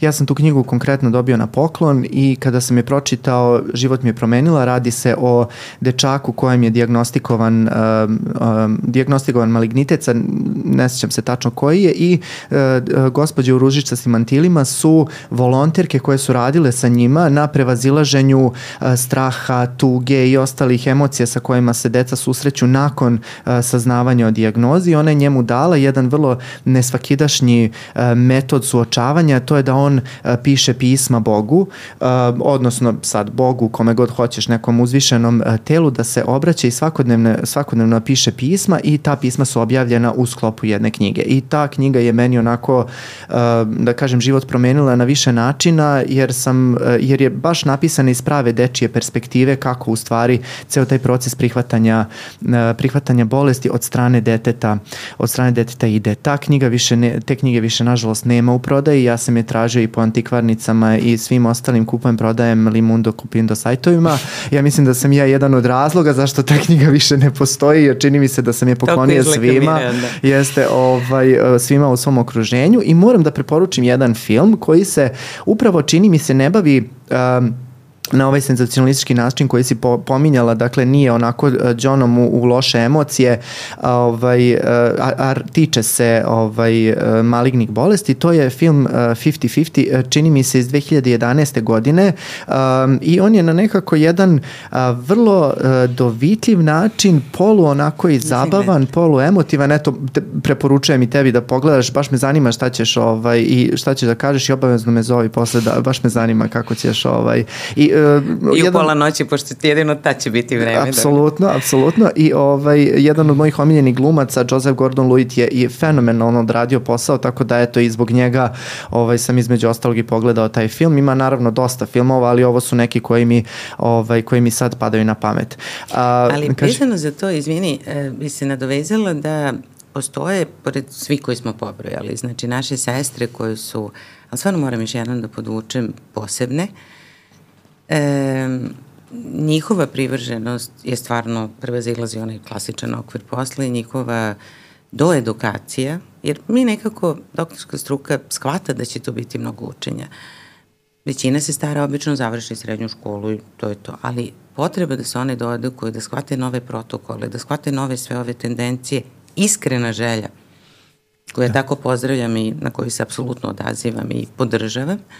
Naravno, doktori, psiholozi, socijalni radnici, nutricionisti, e, fizikalna medicina, počeo od i, i, i terapeuta i doktora koji pomažu rehabilitaciju, pogotovo nakon nekih kompleksnih. Mi imamo divne saradnike koje ja bezuslovno volim, a to su doktori klovnovi. Mislim, ne možemo da ih ne pomenemo i to su ljudi zaista neverovatni koji pokrivaju sve dečje bolnice. Znači, e, u Beogradu, ima ih i u Novom Sadu, ali ja sad, da kažem, njih sam upoznala. Na, uh mhm. -huh. ove, I evo, evo prilike da ljudi pomognu, na primjer, ta kupovina tih crvenih nosića, su ti ljudi to volonterski dugo radili, kupovali sve te džiđabođe okićene su onoliko, znači, izvini, asociralo me u ružičastom, oni su u svim bojama, mm -hmm. ali oni su radost i rodit, znači oni prođu, ja gledam od roditelji koji su neki čak i moje godišnje koji se cere ovako po pola sata kad oni izađu koliko zaista radosti tu donesu. Znači, e, i u saradnji s njima moram da stvarno pohvalim i mlade kolege, skoro su bile dve radionice, jedno su organizovale mladi asistenti sa katedre za socijalnu medicinu, oni su e, sklopili ugovor sa kinotekom, našom jugoslovenskom kinotekom, i onda su birali da kažem, neki antologijski filmove ili možda čak i neki ko, ko, koji nisu, ali ono koliko sam videla po naslovima, to su stvarno prepoznati naslovi, koji se tiču medicinske tematike. Upravo ovo što ti kažeš. I recimo, meni su zvali kad je bio Patch Adams. Uh, čuveni mm -hmm. Robin Williams u jednoj od svojih, dobro, on je bio majstran manje više u svemu što je igrao, da li bih ja pričala? Ja sam rekla kako da ne i znači po, pozovu kao eksperta za neku oblast i pre filma se vodi neki, neki razgovor i onda studenti gledaju film. Ja sam pitala mogu povedem doktora Klovnov i oni su rekli pa vi, biste, pa nismo znali da biste vi možda seli s njima. E to je to predubeđenje da kao ja tu moram da budem svojim statusom, godinama, nekim hjerarkijskim poredkom i samom prirodom posla tako super ozbiljne pobureku, to su ljudi s kojim ja na nedeljnoj bazi sarađujem i ko, mislim, kojih se i više tiče, da kažem, njihovu granu zahvata Patch Adams nego moju, ja ću naravno napraviti uvod, ali oni će objasniti upravo taj rad kao neko nemedicinsko lice koje se suočava s tim, znači izvaredna je bila radionica, mm. znači bukvalno je prekratko trajala za sva pitanja i sve redu. Takođe su skoro studenti koji su organizovani u IFMSA, u ovoj Internacionalnu federaciju medicinskih studenta, organizovali radionicu prepun amfiteatar na anatomiji, oni su nam jedini ustupili mesto. Popodne, znači to smo probili sat ili dva, na kraju je došlo ono, da nas isteraju sa ono portvišem, da neka mučena žena koja je čekala, znači to je bilo nekih devet uveč, ako se sećam kad smo se završili, na temu komunikacije. Kako se sa, znači sa mnom su bile jedna divna, tu je negde malo mlađa od mene, e, hiruškinja, ako se to danas tako kaže, ali onkološki hirurg od preko puta sa Instituta za onkologiju i radiologiju i e, psihijatar iz e, ja mislim klinike za ja nisam zaboravila sam, isto dve sjajne žene i pričali smo s raznih aspekata kako se uopšte i koliko to fali u našem kurikulumu taj deo kako pristupiti pacijentu, izvaretno je bilo. Mm. Tako da, Sjajno. aplavo za mlade kolege mm. koji prvo pronalaze gde su možda manjkavosti obrazovnog dela, mi imamo dobru školu, ne dobru, odličnu školu, ali recimo da je neki praktični aspekt fali, oni su to prepoznali i organizuju vidu različitih radionica, prvo aplauz za njih i aplauz za sve kolege mm. koji žele da se uključe. Mi smo probili isto sve termine, ali ja, ja kako da ti kažem, prosto ja sam očekivao da će ova epizoda da traje večno, jer nas dvoji kad god se nađemo, to traje ovaj, satima i satima. Evo, samo za kraj, ako možemo da sumiramo uh, sve što smo rekli u ovoj epizodi, uh, jer smo dosta toga poručili našim mladim kolegama i svim saradnicima kojima radimo, sve ovo što se tiče komunikacije, pristupa, uh, odnosa prema medicini uopšte, uh, šta, šta bismo evo mogli da poručimo za kraj roditeljima? Mislim da mogu dosta toga da izvuku iz naše prethodne priče vezano za osjećaj krivice, vezano za posvećenost i, vezano za, za pi, razna pitanja koja imaju, ali šta bi eto bio jedan tvoj univerzalni, univerzalna poruka za kraj? Treba verovati roditeljima, znači ja to isto učim mlade kolege, e, naše bolesti nisu maligne samo po toku nego i prezentacije, ne, ne daju se lako prepoznati i kada je roditelj uporno dovodi dete jer osjeća da nešto nije u redu, to je onaj, onaj životinski osjećaj na nivou vrste vidi da je, a to su sve tako bezvezne polimor 375 i onda neko od kolega, pa dobro, što dolazite treći put zbog 375, verujte roditeljima. Razumite ih. Znači, to mogu da poručim kolegama, biće nekad naporni, biće nekad blesavi, biće nekad i ovakvi i onakvi, neprekidnom su stresu e, vraćajte ih na pravi put. Ajde da probamo zajedno da ne skliznu u neke alternative da ćemo izgubiti i oni dete i mi pacijenta. Da ćemo zajedno izgubiti to dete. Znači, bolest je legitimna. Znači, svako ko se rodio ima pravo, znači jedino izvisno da ćemo umreti, znači ima pravo da živi zdravo, ima pravo da se razboli više puta bezvezno, da kažem, prolazno, ima pravo ozbiljno da se razboli. E, Rad kod dece se dešava i postoji od uvek i ne treba da toga da se plašimo. Ne treba da mislimo svakodnevno o tome, naravno, ili redka bolest, kao što rekao. Ali um, radimo na tome i mnogo smo uradili da zaista budemo blizu tih 85% i da su te stvari obezbeđene od strane države i nas koji učestvujemo kao deo tog državnog aparata. E, hajde da budemo još bolji. Hajde da olakšamo komunikaciju. Hajde da e, svi ti kampovi se održavaju zahvaljujući sponsorima i zahvaljujući ulaganju da se deca rekabilituju nakon toga. Mnogi moji izlečeni pacijenti naši učestvuju na divne, recimo u toj radionici dvoje moj pacijenata učestvovali. Ja sam pitala njima, je ok da čujete i priču s te strane, ne sad ja da objašnjavam kako se neko osjeća kome ja saopštavam diagnozu, nego da taj to objasni. I studenti su rekli naravno i došli njih dvoje koji su predivni mladi ljudi, studenti sada ovaj završavaju, koji su tako divno o tome zrelo pričali, pola amfiteatra je plakalo naših kolega, mislim, na, na njihove reči.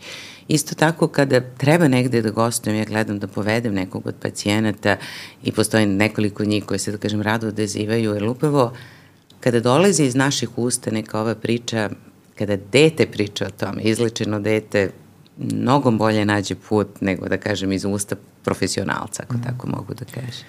E, evo na samom smo kraju, ja samo pre nego što završim, uh, Jelena moram da ti se zahvalim do neba što si došla i što smo nekako čini mi se razbili mnoga neka pogrešna uverenja vezano za ovu vrlo kompleksnu temu, tako da hvala ti još jednom. Živela se. A, dakle, slušalci, hvala vam što ste evo proveli ne znam više nikoliko vremena sa nama. A, što se tiče a, ove naše teme, molim vas da ovaj, komentarišete, lajkujete ovu epizodu, podelite sa svojim prijateljima, odnosno sa svim ljudima za koje smatrate da će im biti korisno i do sledećeg slušanja vidimo se, čujemo se. Ćao.